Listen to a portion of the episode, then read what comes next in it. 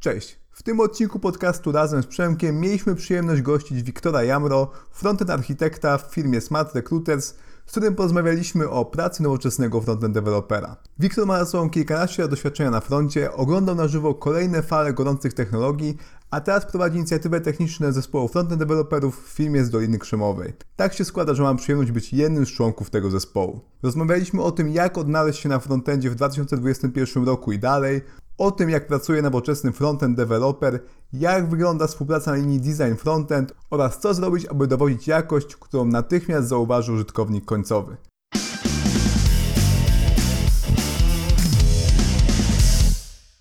Jest dzisiaj z nami Wiktor Jamro.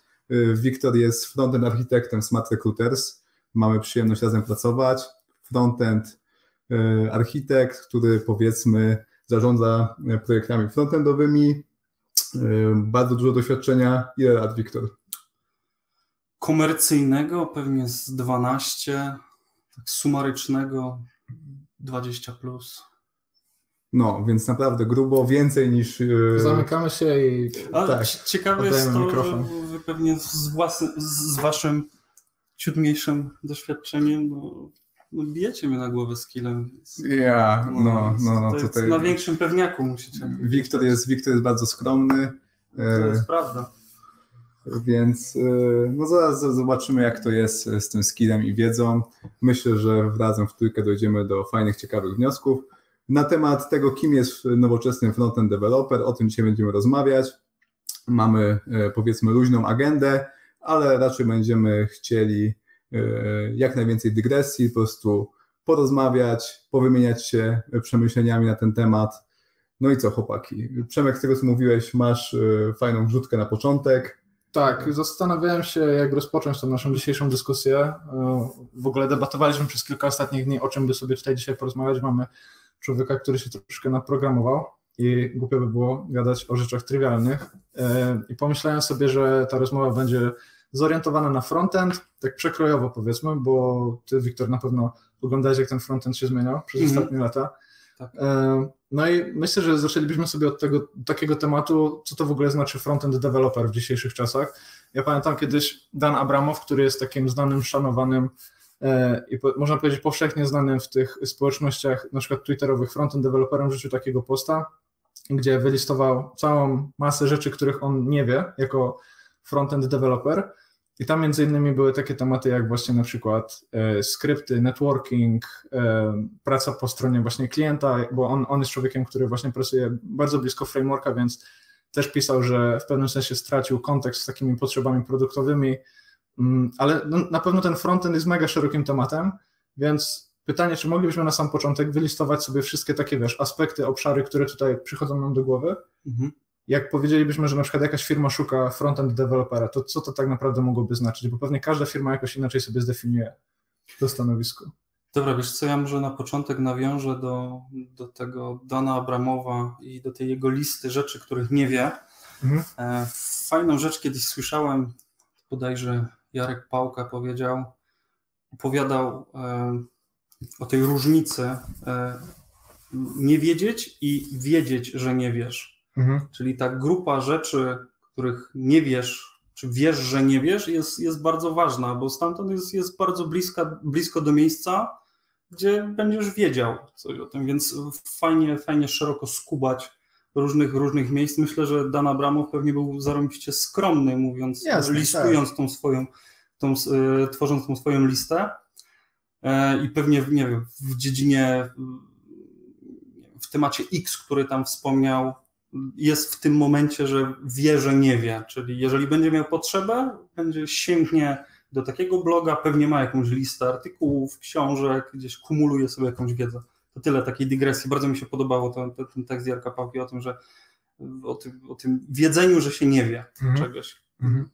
Czyli no, na pewno możemy powiedzieć, że przez wylistowanie tych wszystkich konceptów mhm. to nie jest jakby przypadkowe, tak? tak? On wie, w którym tak. miejscu jest, więc na pewno to jest duża świadomość tego człowieka, tak? To znaczy wiesz, w którym miejscu jesteś, w pewnym sensie mhm. kolejkujesz sobie te wszystkie tematy. Tak. Pewnie każdy z nas ma jakiś taki mechanizm kolejkowania, czy to chociażby zakładki, czy to tule, aplikacje i tak dalej.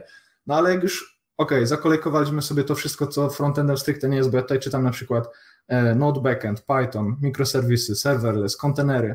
networking, low-level languages, no to są pewnie takie tematy, że każdy z nas gdzieś tam dotknął, ale pewnie głupio by było nazwać się ekspertami, albo w ogóle kimś, kto jest biegły w tym temacie, ale jakby już trzymając się stricte frontendu, no nie, jakby z czym tobie się w ogóle kojarzy rola frontend dewelopera, czy, czy, czy jakby można to w jakiś jeden sposób zdefiniować w dzisiejszych czasach, bo mówimy o takim nowoczesnym froncie mhm. 2021. Mhm. Na pewno bym nie definiował tego w jeden sposób, bo frontend developer w tej chwili to pewnie jest z 10 różnych ról, mhm. zależnych od bardzo wiel, wielu czynników. No, historycznie front, no to, to była osoba, na przykład jak ja zaczynałem gdzieś, no, która przygotowała jakiś HTML. Wtedy JavaScript to było lekkie, lekkie wrzuty, które miały sprawić, że wysunięcie się menu, nie wiem, no jakieś takie podstawowe rzeczy. Tekst się poruszy. Tak, tekst się poruszy i, i, i tak, wyglądał, tak wyglądał frontend. To był wtedy frontend developer. Wtedy ta, to słowo frontend y, było bardzo mocno połączone tylko i wyłącznie z tą przeglądarką. W tej chwili w sumie też jest, ale jakby ten shift umiejętności jest dużo większy. A, jeszcze jedna bardzo ważna rzecz. W tamtych czasach, może w tamtych czasach... O, o, jakim, o jakich latach mówimy? O co, które lata masz teraz w głowie, jak mówisz o takich czasach? Może zacznę od samego początku. E, jak zaczynałem interesować się tworzeniem stron internetowych, gdzieś pod koniec lat 90., E, pamiętam kiedyś Wam też o tym opowiadałem, ja nie byłem świadomy tego, że istnieje zawód i że uczą ludzi robić takie rzeczy. Więc rozpoczynając, na przykład wybierając studia, ja nie wiedziałem, że na przykład jeżeli pójdę na informatykę albo pójdę na jakikolwiek inny kierunek, będę się zajmował tworzeniem aplikacji.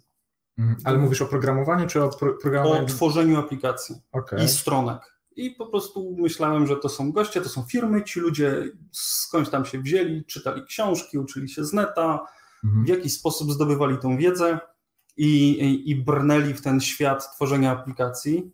Później oczywiście okazało się, że to, to jest, jest cała, branża dookoła. Że to nie jest tak, że dzwoni do ciebie wujek i mówi, że czasnąć stronę i dostaniesz, tak? dostaniesz za to 300. Teraz to się nazywa psucie rynku. Potnij mi ten layout. Potnij mi ten layout, Potnij dokładnie. mi ten layout. A jeszcze jest jedna bardzo ważna rzecz. Wtedy te, jakby cięcie layoutu też nie było trywialne. Nie wiem, mm. czy mhm. pamiętacie, jak wyglądały te stronki. W, w latach 2000 była taka firma, nazywała się Too Advanced, gdzie jak patrzyłeś na ich strony, to jakby skill związany z zaplanowaniem, jak to pociąć, żeby to później jakoś zakodzić, jakoś umieścić w tych tabelkach, czy w czymkolwiek innym w późniejszym czasie, no to to był olbrzymi skill. Tak. I, I, ludzie skupiali się na tym, jak miałeś batona, to to był baton, który był złożony, nie wiem, z czterech różnych obrazków, plus jak najeżdżałeś, to była animacja i te cztery obrazki też się jeszcze jakoś zmieniały i no, było trochę tej orkiestracji dookoła. Sorry, że tutaj przerwę, chyba no. to jest bardziej, no możemy polecić jeden z podcastów, który ostatnio słuchaliśmy. Brendan. Tak, e, zresztą Wiktor też go słuchał e, z tak. twórcą JS-a. E, właśnie tam był temat tych ograniczeń platformy na samym początku. Właśnie, tak, tak, tak, tak. Jak tam skrypty, była w ogóle rozkmina jak zamieścić skrypt na stronie, bo wszystkie przeglądarki, każdy tekst w dokumencie traktowały jako coś do wyświetlenia, tak? Tak, tak. I były wszystkie haki związane z komentarzami, z tego co no. ja pamiętam jeszcze w AngularJSie przecież coś w komentarzach można było, dyrektywy przecież można było pisać. Tak to pewnie była jakaś taka zaszłość tych czasów, nie? że właśnie te ograniczenia platformy były takie, że sam zawód nie był, powiedzmy, wymagało to skilla, tak, żeby z tą platformą się kopać. Tak, mimo że pozornie tworzyłeś mega takie proste rzeczy z, z obecnej perspektywy, no? produkt końcowy był taki no, prosty powiedzmy, to sam proces wcale nie był łatwiejszy, a nawet być może był trudniejszy niż teraz. Pewnie nie był, nie? Powiedziałby, no. że był? Czy był inny? Um.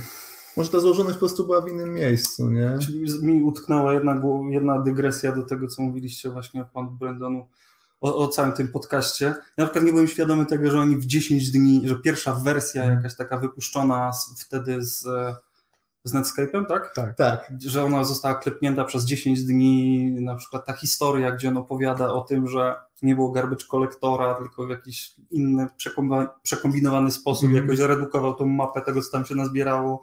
Zarobista sprawa. No to było niesamowite to też wiele tłumaczy, daje taki no, fajny insight, dlaczego ten JavaScript jest taki Tak. jest. Jak człowiek sobie zda sprawę, że to powstało w 10 dni, to naprawdę gość zrobił tak dobrą robotę, tam jest tak mało tych fakapów, yy, biorąc pod uwagę, jak po prostu był ścisły deadline, 10 dni, nie? No przecież 10 dni to często ciężko zrobić w ogóle jakąś sensowną apkę, nie? A co dopiero język. To, że tam jest tylko ten equality operator do niczego, to naprawdę to, to jest mało, nie? Ale on też, tam też było wyjaśnione, dlaczego on Tak. tak wygląda, nie? Jakby to było ciśnienie środowiska. Nie, no Wprost powiedział, że ktoś go Marketing, poprosił. tak, ktoś go poprosił. Tak, i się zgodził. Tak, no. Zaraz wrzucimy na czata to, o czym mówimy ten podcast. Bardzo Tak, fajny to, podcast. to jest podcast Lexa Friedmana z Brendanem Eikiem.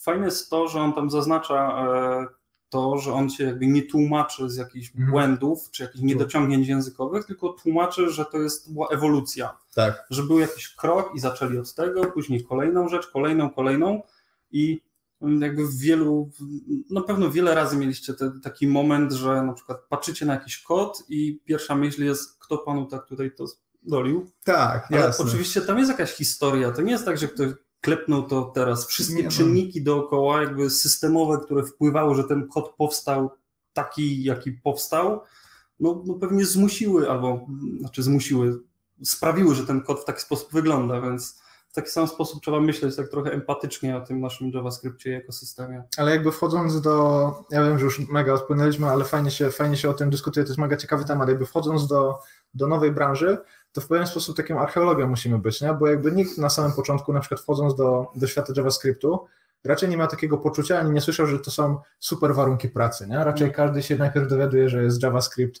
że się wstydzisz tego, że pracujesz w tym Właśnie JavaScriptie. pytanie, czy powinniśmy? Teraz? Już teraz? Właśnie nie wiem, czy dzisiaj to się, ale to tak przestrzeni chyba, nie wiem, no pięciu lat, no nie? Zmieniło się, nie? Ja pamiętam, jak zaczynałem tam w tym 2014-2015 roku, no to jeszcze na Reddicie dużo, dużo jednak y, było takiego podejścia, ten JavaScript to jest, to jest największe bagno, ale teraz już jakoś się nie spotykam z takimi opiniami. Tak chyba już y, trochę przeszliśmy tą, tą próbę bycia prawdziwymi programistami, nie? No dobra, ale chodzi mi o to, że nawet, e, dobra, jak wchodziłeś wtedy jeszcze No. 5 lat temu i, i, i miałeś to wyobrażenie, to jakby ludzie nie dążyli do tego, żeby to tłumaczyć, nie? To w, pewien, w pewnym sensie jest gdzieś tam taka wiedza właśnie tylko autora i kilku osób z tamtych czasów.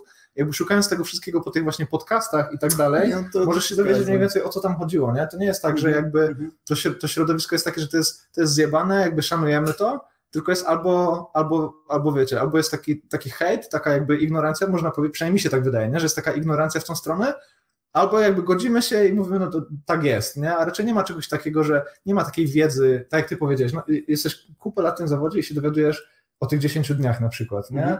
Jakby to nie jest taka wiedza Mhm. powszechna, jakie tam No były warunki jest. na początku, Browser Wars, nie? że No, tam z Microsoftem była taka Tak. kopanina na, począ- na, na początku i to naturalnie patrzę na takie tam dziecko, które gdzieś tam w tej wojnie w Wietnamie Nie, uczestniczyło, nie? Jeszcze ma wszystkie kończyny w ogóle, tam się uśmiecha bez trału. Tak, No. no i No, przechodziłeś przez takie czasy, że była książka do JavaScriptu, która była taka, ale wszyscy No. wyśmiewali, bo nie wiem, Crawford wydał Good Parts i ono było już tak. Tak. I nie wiem, za każdym, nie wiem, ilość uśmieszków e, związanych z jakimiś błędami. E, Ja, ja zawsze sobie to tłumaczyłem, jak ktoś mm, jakby punktował jakieś totalne spierdzieliny JavaScriptowe, że one wynikają e, no, z niewiedzy, że one tam są, bo jak wiesz, że to tam jest, no to Mhm. unikasz, unikasz, unikasz jakichś no, wszystkiego, co może sprawić, że pewnego dnia dostaniesz liścia w twarz, e, porównując na przykład dwa jakieś dziwne typy. no to Tak. są te wszystkie e, tweety, e, wylistowanie różnych typu, da, typów danych, porównania, efekty tego, co zwróci JavaScript. No, Tak, to jest tak. śmieszne do pewnego momentu, Tak, ale tak. potem to już tak jakby To mi się przykre trochę. też potem tak, No właśnie, była ta seria cała z tym, z tym what. no tak. Ona chyba pierwszy był Tak. JavaScript, ale z tego co wiem, to później był Python i coś tam jeszcze było, więc to jest. No tak, ja, ja miałem wrażenie, że to jest tak, no fajnie trochę się ponabijać, pokopać nowego, który się pojawił, bo są tam chłopaki, assemblery, kobole, no. czy, czy, czy, czy i oni, nawet nowsza półka rozwiniętych języków Java i tak dalej no. i oni kopią po prostu tego, te, tego, tego nowego, ale myślę, że to była też taka szkoła życia, że, że, że, że może gdyby nie to, no to byłoby gorzej. no dobra. A może okej. nie, może to jest bez sensu. Tego się już nie dowiemy, ale wróćmy do tej twojej historii sprzed Tak, kilku minut. tak, tak. Zaczynasz pracę, widzisz, nie, nie masz pojęcia, że w ogóle jest ścieżka kariery, która Tak. polega na pisaniu aplikacji. Tak.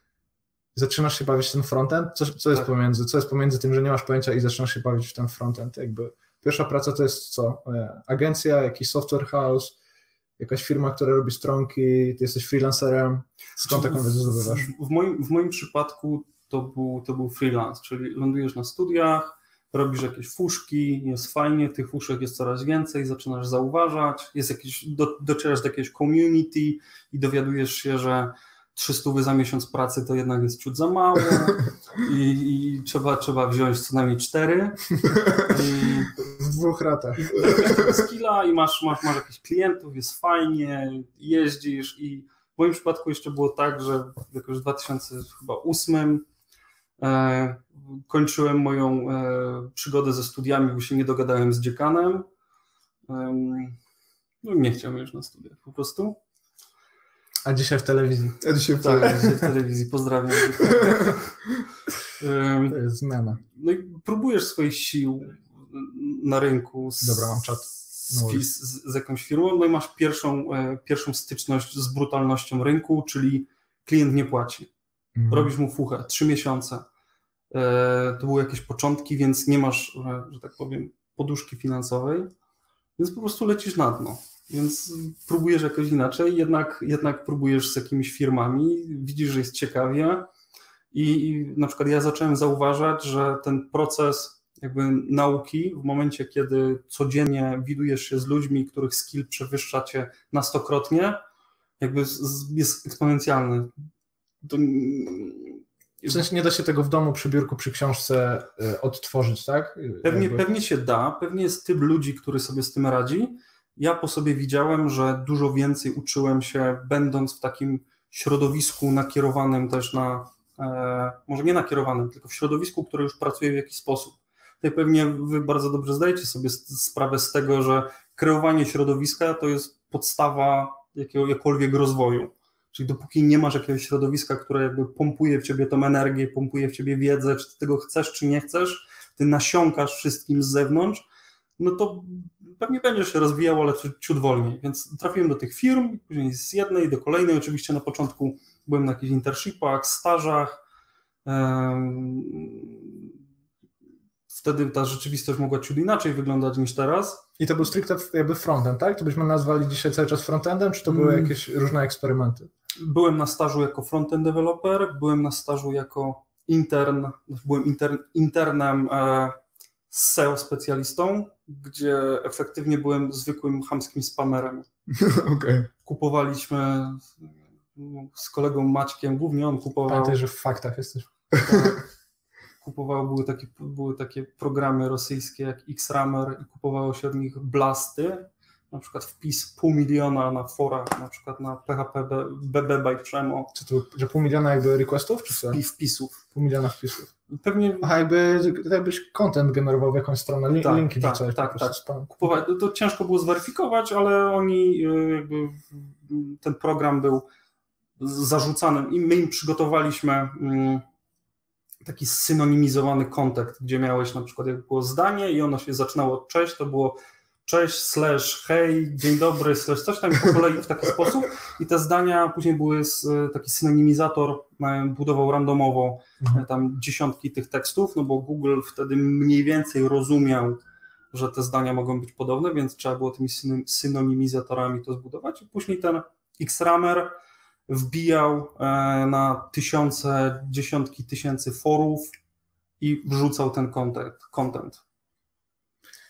Dobra, i miałeś taką robotę i, i powiedz, miałeś takie poczucie, o kurczę, yy, powinienem jednak robić ten frontend, bo teraz ludzie tak mają, że mocno jakby się przyjmują, mhm. czy, czy ta robota, tak. którą mają pierwszą, to jest ta najlepsza robota w najlepszej firmie. Ale też czy pasujesz jakby, nie? Czy ja pasuję, czy ja robię to, co powinienem, czy to na mhm. pewno jest ten React, który teraz jest taki na topie, mhm. a, a ty robisz jakiś tam SEO, E, spamming i tak traktowałeś to jako rozwój mimo wszystko, uczyłeś się czegoś nowego, czy e, miałeś takie poczucie, że to nie jest to? Czy wtedy miałem bardzo jakby, roz, znaczy może nie przemyślaną, ale jakąś tam ścieżkę. Wiedziałem, że muszę zrobić ten internship, jakiś staż, żeby pójść dalej. W tym czasie cały czas klepałem sobie stronki, więc miałem gdzieś na boku to swoje szczęśliwe, ten happy place, gdzie wracałem i mogłem sobie czasnąć stronkę, nie wiem, zrobić sprite'y w CSS-ie, zrobić gradiencik i nie wiem, cieszyć się rozwiązywaniem konfliktów pomiędzy jQuery, MoToolsem i prototypem, bo najczęściej, najczęściej tym się zajmowałem, bo wrzucałeś, to był plugin, który robił e, rzecz X, plugin, który robił rzecz Y i ten był w jQuery, ten był w MoToolsach, wrzucałeś i była lipa, więc później szukałeś jak okay. rozwiązać problem. Później okazało się i tak, że miałeś prototypa i ten prototyp robił jakieś krzoki pomiędzy. Przyspieszając troszkę. Mm. Kariera spamera. Tak, tak, był ten spamer, były stronki, było dużo stronek. No i dobra, i, i, i cały czas jeszcze będę, będę, nas tutaj wszystkich męczył o tą definicję tak. frontu. W tym czasie jednoznacznie frontend kojarzył się z czym? Z cięciem layoutu, z budowaniem strony? W, w moim przypadku w 100%, w cięciu layoutu, przygotowaniu stron, w, wtedy mógłbym, wydaje mi się, był taki początek, w sumie nie myślałem o tym, ale teraz jak spoglądam z perspektywy, to był e, taki moment, gdzie byłem bardzo blisko produktu. Mhm. To znaczy, dużo, dużo więcej myślisz, e, skupiałeś się na tym UX-ie, na tym, na, tym, na tym, żeby to jednak ładnie wyglądało. Nie miałeś za sobą Reacta, nie miałeś jakiegoś backend for frontend swojego, nie musiałeś o CI/CD, tylko jakimś AirSynciem czy czymkolwiek innym, po prostu na, na HANA do jakiegoś FTP-a to wrzucałeś, więc nie było tej orkiestracji dookoła tego. Um, tego wszystkiego, co jest związane z jakimiś nie wiem, rozprąszonymi architekturami, czy ogólnie posiadaniem więcej niż jednej apki i, i posiadaniem jej na FTP. Tak, na, na FTP. Więc wtedy to było, to było cięcie. Ja osobiście zajmowałem się cięciem layoutów. Um, tak. Transformacja w stronę aplikacji kiedy się zaczęła wydarzać? Był taki moment, um, gdzieś też w okolicach 2008-2009, gdzie w sumie może ciut wcześniej, gdzie zaczynałem stawiać sklepy.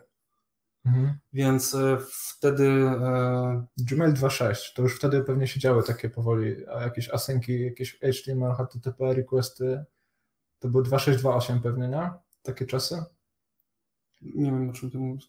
No, bo pytam o aplikację, no nie? Mówię o tym, że pewnie gdzieś tam, jak się patrzyło na zachód, no to gdzieś tam takimi pierwszymi aplikacjami, które próbowały w przeglądarce zrobić coś więcej, no to były jakieś tam pewnie Gmaile, jakieś tam kalendarze, mówię o, takich, o takim czystym środowisku przeglądarki, no nie? E, pewnie tak, ale ja tam nie byłem. Ja byłem, e, byłem na poziomie Joomla i nie wiem, i Drupala, i nie wiem, Magento, gdzie wszystko było i tak robione w PHP i jakby zbaczałem w tą stronę backendową, czyli okay. mocno, mocno, mocno gdzieś tego PHP i w sumie jak pierwszy raz poszedłem do jakiejś większej firmy, e, w której już tam było set tych deweloperów, no to właśnie z kumplem stawialiśmy jakiś internalowy tool do generowania tam jakiegoś kontentu i pisaliśmy go, pisaliśmy go w PHP. Okay. I wtedy, wtedy zaczął się gdzieś w 2011, e, jakoś w okolicach czy wcześniej, był ten moment, gdzie na przykład zobaczyłem knockouta.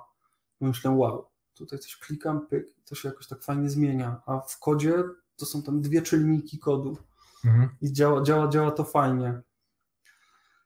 I później przeskakując dalej, trafiłem do firmy, w której obecnie pracuję, czyli w Smart Recruiters, w której już jestem 8 lat. Tam od samego początku zainwestowaliśmy w tego Angulara. Myślę, że 2013 rok to był taki, wydaje mi się, początek taki ostrego wjazdu frameworków. Mhm. No tak. AngularJS chyba to jest, kiedy on się pojawił? 2010? 10 chyba, 11? 10, 11. Więc już był dość tam dojrzałą technologią, znaczy dojrzałą, no już tam powiedzmy pierwsze tam wersje już były, były za nim, nie? Nie, to 0, 0, to była końcówka 0 chyba. To końcówka 0? W 2013 chyba stabilne wychodziły wersje. Aha, okej. Okay, czyli... Była jeszcze taka lipa, że patrzysz w dokumentację, robisz coś i na przykład 5 na przykład trzy lata później dowiadujesz się, że to był zarobisty antypattern, ale nigdzie o tym nie pisali, albo szukasz, o to już to było ciekawe, że Stack Overflow, ulubione wszystkich, e, z niego, myślę, że to jest w przypadku wielu technologii, jakby tworzyła się tam dokumentacja, która w, później przenikała do prawdziwej dokumentacji angularowej, było bardzo ciężko znaleźć rozwiązania. No nie było oczywiście patternów żadnych, nie było standardów, co nie ma co ukrywać, pracowaliśmy razem, więc wiecie, jak wygląda duży codebase AngularJS-owy, gdzie siada do niego 15 osób i klepie go w 15 różnych sposobów. Nie no, wszystkie jak, są jak złe. Jak, jak React 2020. Tak, tak. Znowu jesteśmy w tym miejscu. Shots fired. Tak, tak Tutaj zaraz koniec. Ja, jadą. Wyszło właśnie 30 osób. Jadą. Y. Ma, mamy 50, także pozdrawiamy. Od razu mówimy, że czat jest otwarty. Jak macie jakieś pytania do Wiktora, to mamy tutaj podgląd tego, co się dzieje, także możecie tutaj nam przerywać.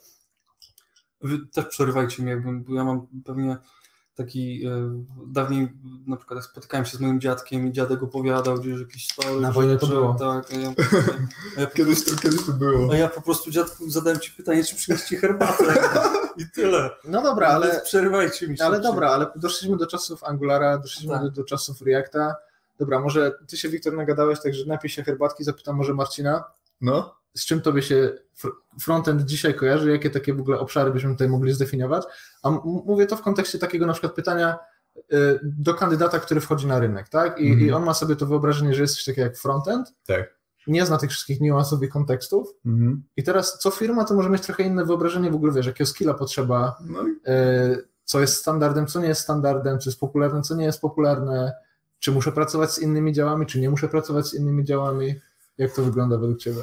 No wydaje mi się, że nie ma takiej jednej definicji, bo tak jak mówisz, ten kontekst jest, jest kluczowy. W jednej firmie, wiesz, pewnie te nasze umiejętności, powiedzmy takie bardziej produktowe, e, gdzieś tam dają ci pozycję seniorską, e, a może w firmie, która na przykład jest software house'em, e, jakieś nasze braki, powiedzmy takie ściśle techniczne, mogą gdzieś tam nas rzucić na regulara albo nawet tam późnego juniora, nie? Bo ktoś tam po prostu uważa, że, że może taka dogłębna znajomość Angulara albo Reacta jest naprawdę kluczowa, żeby dowozić. I pewnie w niektórych projektach faktycznie tak jest. E, więc, więc to ciężko naprawdę gdzieś tam e, w taki jednoznaczny sposób zdefiniować. Ja mogę powiedzieć, co ja przez to rozumiem obecnie, e, co jest istotne na frontendzie. No moim zdaniem to produktowe podejście właśnie, gdzieś tam rozumienie użytkownika, żeby gdzieś tam ten nasz czas jak najwięcej wartości wnosił, żeby dbać też o ten UX, żeby dbać o wydajność, e, żeby dbać o czytelność tego kodu, żeby, ale głównie nie z myślą o tym, żeby on był idealny i perfekcyjny, tylko właśnie, żeby było można dalej w sposób efektywny, czasowo dowodzić wartość użytkownikowi. Nie? Jeżeli już na przykład Twoje działania takie na poziomie kodu się nie przekładają e, na wzrost efektywności pod kątem dowożenia wartości do użytkownika, to już moim zdaniem jest to strata czasu, a powiedzmy, że 100% y, code coverage na przykład, moim zdaniem już jest takim działaniem, nie? Jak, przynajmniej samo w sobie, jakby jako cel sam w sobie, nie? Jeżeli ty uważasz, że dzięki temu potem będziesz szybciej dowodził feature'y, to ja jestem z tym super, nie? W sensie to, chociaż do mnie to gdzieś tam nie trafia, więc ja myślę, że frontend developer to jest człowiek, który mocno się skupia na użytkowniku, tak projektuje to doświadczenie użytkownika w przeglądarce, im bardziej świadomie to robi, to tym jest jakby e, wyżej na tym poziomie seniority. A wszystkie jakieś narzędzia, technologie e, to jest tylko środek do celu, a nie cel sam w sobie. Ja tak to widzę. No i teraz pewnie poszlibyśmy do firmy, która ma zespoły toolingowe, zapytalibyśmy, kim tam są frontend deweloperzy i usłyszelibyśmy całkiem, całkiem inną definicję. Tak, na przykład tak. rozwój codebase'u, repozytoria, biblioteki, dependencje, tooling, e, platformy. Znaczy pewnie jak usłyszelibyśmy inną definicję, to coś byłoby nie tak, bo jakby to produktowe podejście, jakby definicja jakby odbiorcy, czy to są deweloperzy wewnętrzni, czy mhm. to są jacyś zewnętrzni, czy to są użytkownicy takich, jakich my znamy, czyli ludzie, to, to dalej jest jakiś twój odbiorca. Mhm.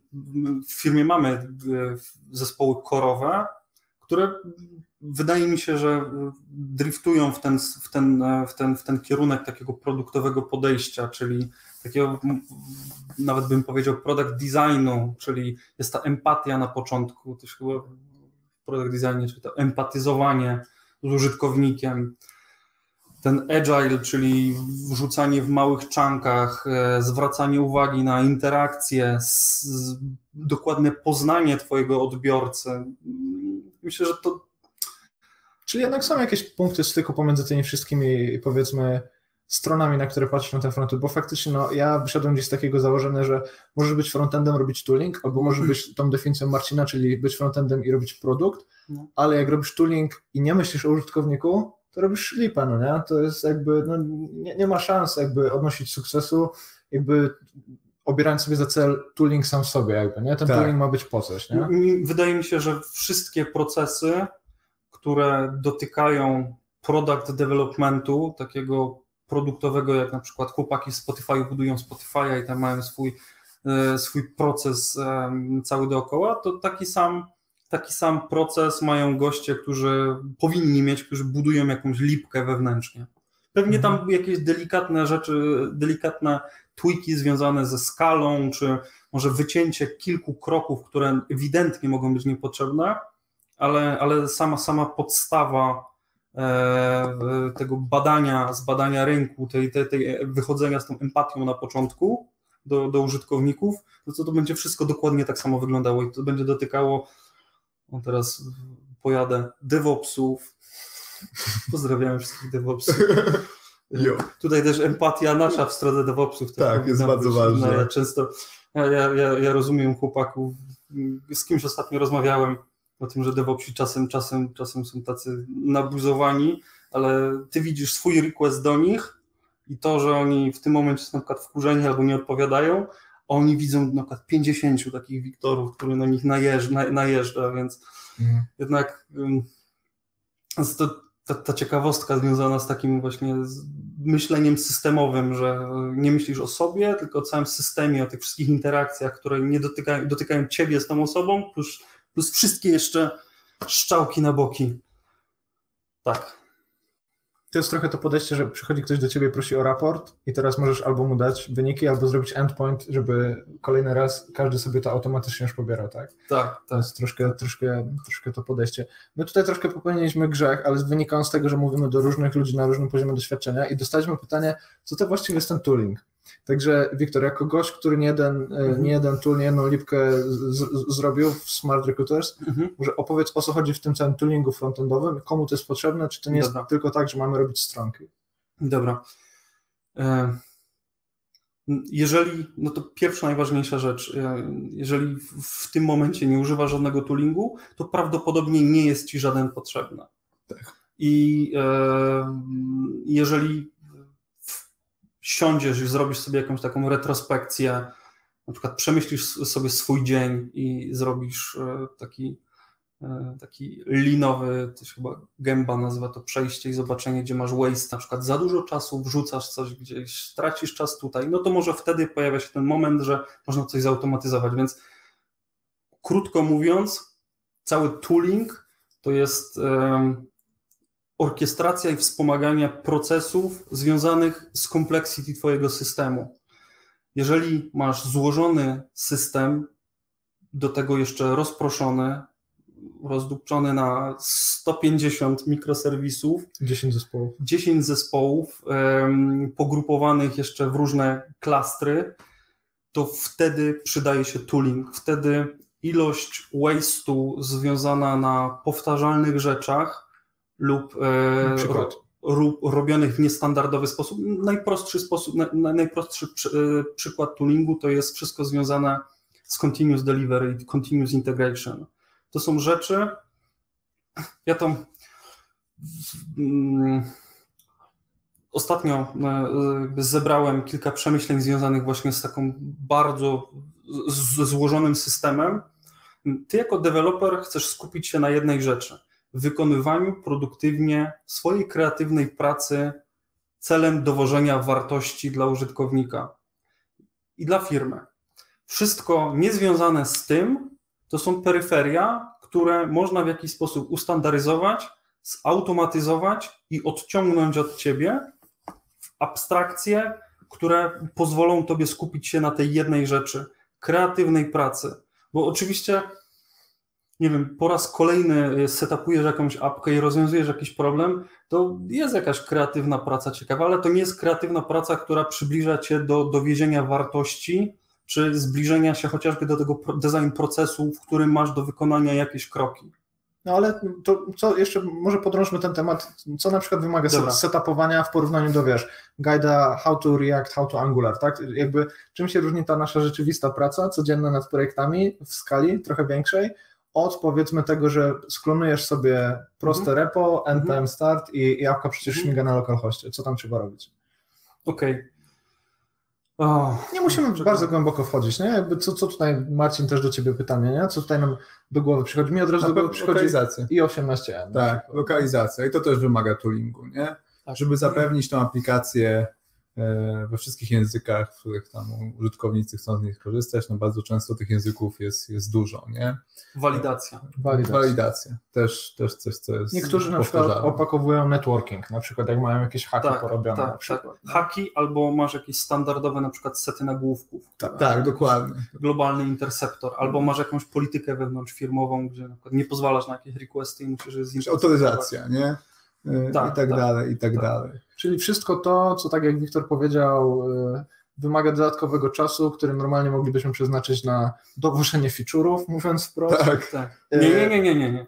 To... Kreatywna praca związana z dowożeniem wartości. Tak, tak. I co ciekawe, sporo dużych organizacji zauważyło już, że czasami do tych tasków warto przypisać dedykowany zespół, tak? To, jest, tak. to już nie jest jakby coś, tak. co robimy gdzieś tam na boku. Na boku. Tak. To są po prostu trudne tematy i bardzo często mamy zespoły platformowe, frontendowe, które dowożą tooling dla innych frontend deweloperów. Ja więc to jest taki aspekt, który też można spotkać w tym świadku. Ja myślę, że największa trudność, czy inaczej, ja z doświadczenia widzę, że trudność wokół tych tematów nie jest związana z trudnością jakby techniczną tych tematów, tylko z tym, e, że jeżeli organizacja nie będzie wspierała tego, żeby coś takiego się zadziało, to się nie zadzieje, albo zadzieje się poł połowicznie, albo zadzieje się i to umrze gdzieś w krzokach i później będziesz kijem próbował to reanimować. Dlatego te zespoły korowe to są zespoły, które mają ownership. Jeżeli masz apkę, która, nie wiem, masz tego Gmaila, no to zajmujesz się Gmailem i to jest twój, chcesz tym się zajmować a nie tym, e, nie wiem, Jak się autoryzacją. E-mail validuje. No, to... Gmail, że za to regexpy w Gmailu, goście tam wbijają w X regexpie. Gmail akurat ma tak, że tam on przyjmie wszystko. Tam, nie wiem, czy kiedyś hmm. próbowaliście. Jak wysyłasz, to tam możesz wkleić cokolwiek z wszystkimi e, najpopularniejszymi atakami i tak dalej. Możesz okay. wkleić, hmm. to, to przeleci i oni Chapie wszystko tak. jak pelika. Tak, tak, bo oni robią, e, robią e, output sanityzację. Sanityzację, tak. Okej, okay, okej. Okay. Dobra, no to tyle w temacie toolingu. No i też często ten tooling gdzieś tam się e, też przewija w tych ogłoszeniach o, o pracy. Ludzie mają czasami też takie poczucie, że muszą to, to wszystko umieć, nie? Czasami faktycznie jest takie oczekiwanie, że, że ty wszystko po prostu będziesz znał, wiedział jak postawić od zera, webpack piątka, E, tu właśnie lokalizację samemu. Ja na przykład tych rzeczy nie potrafię, bo, bo nigdy gdzieś tam nie musiałem tego potrafić. E, no i w wielu firmach to już jakby gdzieś tam jest e, czerwona kartka, albo żółta przynajmniej, nie? A w niektórych firmach przychodzisz i nie ma z tym problemu właśnie z core team i, i to powiedzmy jest gdzieś tam wydelegowane na zewnątrz. Nie? No dlatego to pokazuje, jak bardzo różne są te oczekiwania i też ciężko gdzieś tam się tak E, powiedzieć, że to trzeba umieć, a to nie i kim ty jesteś. Tak no ale dobra, ale jak nie przerazić, przerazić ludzi, tutaj tak płynnie przejdę do tego kolejnego punktu z naszej agendy, e, wchodzę, wchodzę na rynek pracy i widzę obok siebie 100 ludzi, którzy znają Angulara na podobnym poziomie jak ja. Tak. Nie? I jak teraz wnieść wartość, nie będąc właśnie ekspertem od toolingu, bo faktycznie nie każdy jest w stanie, powiedzmy, w ogóle nie każdego to. Nie? Ja na przykład jako, jako frontend developer cieszę się z tego, że dowożę rzeczy, które widać, które ktoś może kliknąć, przesunąć, złapać w przeglądarce i, i, jest to takie namacalne, nie? Więc jakby tooling nie musi być osią zainteresowań frontend dewelopera, ale jest dużo innych aktywności, przez które mogę swoją wartość udowodnić, nie? Więc teraz podebatujemy sobie trochę o tym. Nie tooling, nie czysty framework, to co jeszcze w ogóle pomiędzy się znajduje w takim całym toolbelcie frontend dewelopera? Nie? Co warto jednak, żeby ta czerwona kartka się nie pojawiała na przykład na tej rozmowie. Okej, okay, żeby się wyróżnić mimo wszystko z tego. Albo żeby co najmniej być, wiesz, yy, wziętym pod uwagę. Okej. Okay. Ja myślę, że Wiktor będzie miał duży tutaj... Czyli ja, ja, mam, ja mam pytanie no. a propos tego wyróżnienia, bo Zależy, kto jest Twoim odbiorcą, czyli pracodawcą, bo są, są bardzo specyficzni. Większość pracodawców jest w jakiś sposób specyficzny. specyficzny. że nie ma czegoś takiego jak specyficzny pracodawca, skoro każdy jest jakiś. Tak, tak. No, chodzi mi o to, że ciężko o jakąś ogólną, ogólną, ogólną no definicję. Ale to z wszystkim, co tak mówimy, tak jest, można powiedzieć. Tak, nie? tak. I e, myślę, że. No ale musisz wyrazić. Pewnie, patrz, no przychodzi ktoś, mówmy o, o konkretach, mówimy o naszych firmach. Przychodzi ktoś na rozmowę. Tak. Mhm. Oczekujesz, że taki, taki poziom zero, takie foundation, to jest znajomość frameworka, w którym ty też pracujesz, bo to jest jakby taki common language. Chcesz wiedzieć, że rozumiecie te same słowa, te tak. same koncepty, tak? I teraz coś spowoduje, że komuś podziękujesz, a coś spowoduje, że kogoś zaprosisz dalej, nie? No to pomówmy o tym, co akurat w naszym przypadku, y, jak to w naszym przypadku, w waszym na przykład wygląda. Dobra, w naszym przypadku jakby cały proces y, interwiuowania y, kandydata jest podzielony na trzy etapy, gdzie one jakby klapa w jednym z nich nie powoduje, że popłyniesz całkowicie. I my oczywiście sprawdzamy umiejętność jakiegoś frameworku. Co lepsze, nawet nie narzucamy. Większość kodu mamy w Angularze, mamy trochę Reacta, mamy AngularJS-a i mamy jQuery. I Vanilla. I w Vanilli mamy sporo, ale jednak olbrzymia ilość to jest, to są, to są olbrzymia ilość jest w Angularze. I dajmy tą wolność, że kandydat może na, napisać rozwiązanie w Angularze, w Reakcie, we Vue. To jest dla mnie też ciekawe, jak mogę przeglądać zadania na przykład napisane w innych technologiach, no bo oczywiście mm. przeglądasz kod przez, y, przez osmozę czy jakieś inne procesy, po prostu wsiąkasz, wsiąkasz to wszystko w siebie. Jest fajnie. Jest część, gdzie zadajemy pytania techniczne, niezwiązane z, z żadnym frameworkiem. To są jakby ogólne pytania z ekosystemu frontowego. Na przykład. E, przykład, e, na przykład o architekturę styli. Nie pytamy o żadną konkretną, ale jeżeli ktoś dostaje pytanie związane z architekturą styli i jest w stanie e, odpowiedzieć na to pytanie, to znaczy, że miał styczność z większą aplikacją, w której pojawił się problem. Jeżeli ktoś mówi, że nie ma tego problemu, to też nie znaczy, że coś jest nie tak. Może pisze tylko w Reakcie, może używa tylko, nie wiem, CSS in JS i Style Components i nie miał takich problemów. To jest, to jest zawsze jakiś starter i to, są, to jest coś, co my staramy się wyciągać z każdej rozmowy, jakieś pozytywne rzeczy. Mhm. Kolejne przykłady. Mm, może samego JS-a na przykład jakaś taka wiedza nieframeworkowa? Um, Czy Marcin, na przykład ty też byłeś niedawno w sumie w procesie tak samo jak ja? No, tak, tak, no, Wiktor mnie połował, tak, z JS-a. Połował, to pierwszy raz, gdy y, osoba, która, która była re, re, rekrutowana, pałowała rekrutujący. Nie, no właśnie też takie fundamenty JS-a były sprawdzane, jakieś tak. te wszystkie historie z zakresami, z wynoszeniem, y, to gdzieś tam, z czego męczymy ludzi na kursie, w zadaniach praktycznych, to, to się okazuje, że, że na przykład w rekrutacji też się przydało, nie? Do, więc warto znać te fundamenty, warto znać te web parts, te you don't know JS, te mhm. wszystkie lektury gdzieś tam e, się przydają, nie? wydaje mi się w rekrutacjach i to pewnie nie tylko do Smart Recruiters, bo ja robiłem po prostu research, co firmy sprawdzają, na co zwracają uwagę i to często jakby się gdzieś tam przewijało, nie? Więc warto znać też te fundamenty tego JS-a, bo to często jest sprawdzane. Nie? To wszystkie takie dziwne przykłady, które nigdy nie występują na produkcji, ale ktoś dostaje fajny insight, na ile ty tam dogłębnie tego JS-a poznałeś. Ja nie? właśnie a propos tego, na ile dogłębnie poznałeś, miałem takie pytanie na własnej rozmowie niedawno. Y, był ten standardowy przypadek, wysyłam formularz, i co się dzieje z requestem. Co, moje ulubione pytanie. O, o, tak. opisz, opisz każdy krok. Nie? I ja tam wprost na przykład powiedziałem, że na poziomie networkingu jestem słaby. Wytłumaczyłem tam kilka innych y, etapów, ale jakby dostałem taki feedback, że nie chodzi o poprawną odpowiedź w tym zadaniu, tylko chodzi o to, ile z tych etapów w ogóle było twoim, wiesz, chodziło ci po głowie jako coś, co tak. warto rozkminić, tak. nie? Bo to jest jakby, to jest problem, o którym można książki pisać, albo odpowiedzieć w 30 sekund, nie? Wiesz, enter, formularz się wysyła, leci request, HTTP. Ja uznaję to pytanie, ja to, ty Przemek wiesz, to jest w tej formie, e, ja mówię, że ty otwierasz, otwierasz Gmaila, tak. jest e, okienko logowania i chcesz się zalogować. Wpisujesz jakieś credentiale, nieważne czy masz e, two-factor authentication, czy cokolwiek się innego stanie, żebyś opowiedział, co tam może się wydarzyć. Jakby poziom seniority, jakby ilość rzeczy, które opowiesz, to jest twój poziom seniority. Mhm, jasne. I, właśnie miałem też ostatnio rozmowę z, z panem dyrektorem u nas w pracy o pytaniach dla seniorów. To jest dobre pytanie dla seniorów. Nie to, jak zaklepać link listę czy drzewo czerwono-czarne.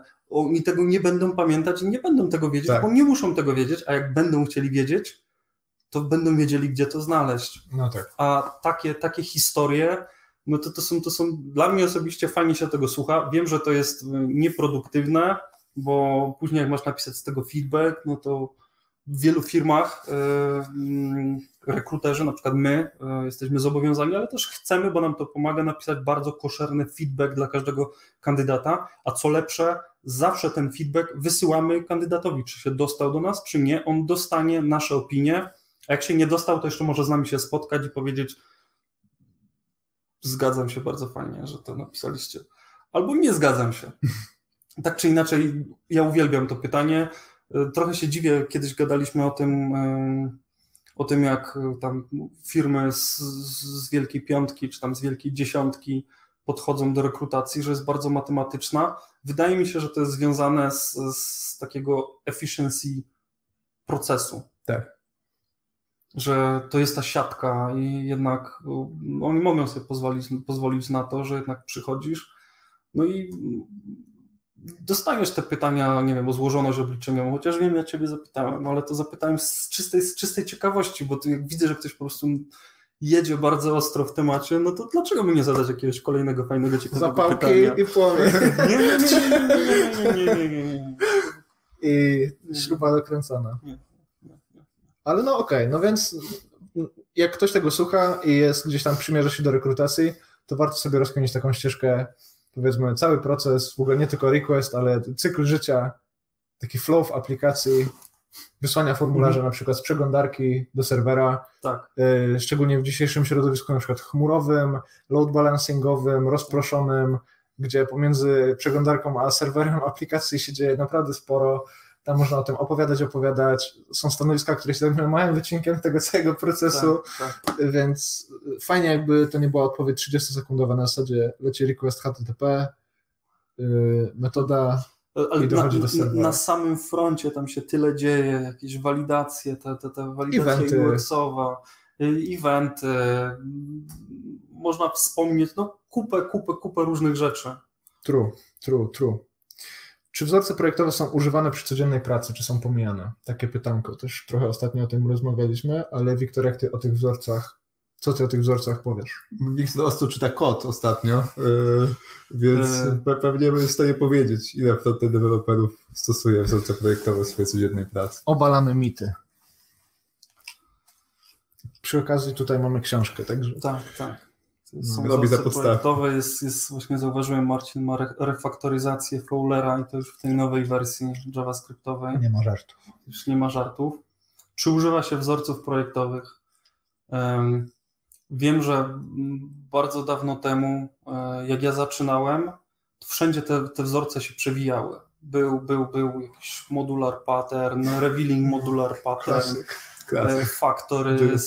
No i ale to też, to też e, ty jakby nie kwestionowałeś tego. Po prostu wchodzisz, widzisz, e, nie wiem, ściągasz jakiś plugin, który był napisany w jQuery i patrzysz, on jest napisany w taki sposób, albo ściągasz jakiś bootstrap do pluginu, mhm. E, jakiś taki start, starter pack w momencie, jak nie było frameworków, miałeś, pisałeś, w ogóle możemy o jQuery pogadać, bo to największa zmiana, game changer w historii w ogóle całego frontu. Mhm. Ale tak czy inaczej, były te paterny i one się przewijały. Czy ja myślałem o nich jakoś dużo, czy one upraszczają, czy pomagają? No nie, dostałem je tak, jak dostaję, nie wiem. API Angulara. W, podstawowe rzeczy, podstawowe rzeczy. I... Były. Jest kupę lektur. To był dobry przykład faktycznie, sorry, że to co Maciek powiedział, nie? że to jest trochę tak jak wchodzi dzisiaj do Angulara. Tak. No i tam też masz paterny Komponent różne. się robi tak, nie? No. Dekorator się robi tak, Tak. a w Reactie się robi tak. Jakby to samo było z modułem na przykład kiedyś, nie? Moduł Tak. się robiło Tak, tak, rozkminiałeś tego tak, Tak, tak bardzo. tak. no. Widziałeś to w taki sposób No. i wiedziałeś, że to, że to jest w taki sposób. Miałeś, były, jeszcze, były jeszcze mm, te dodatkowe ograniczenia z tym, e, e, że fajnie było z jakiegoś paternu skorzystać, tylko dlatego, żeby, żeby, żeby też zamknąć ten kod, zenkapsulować go No jasne, żeby za- zakres innych, e, globalny, z, no. z, innych, z, innych, z, innych, z innych skryptów, plus, plus to, że no, wszyscy inni robili w podobny sposób. Okej, nie było frameworków, ale były takie po prostu paterny. Tak, tak, E, tak, tak.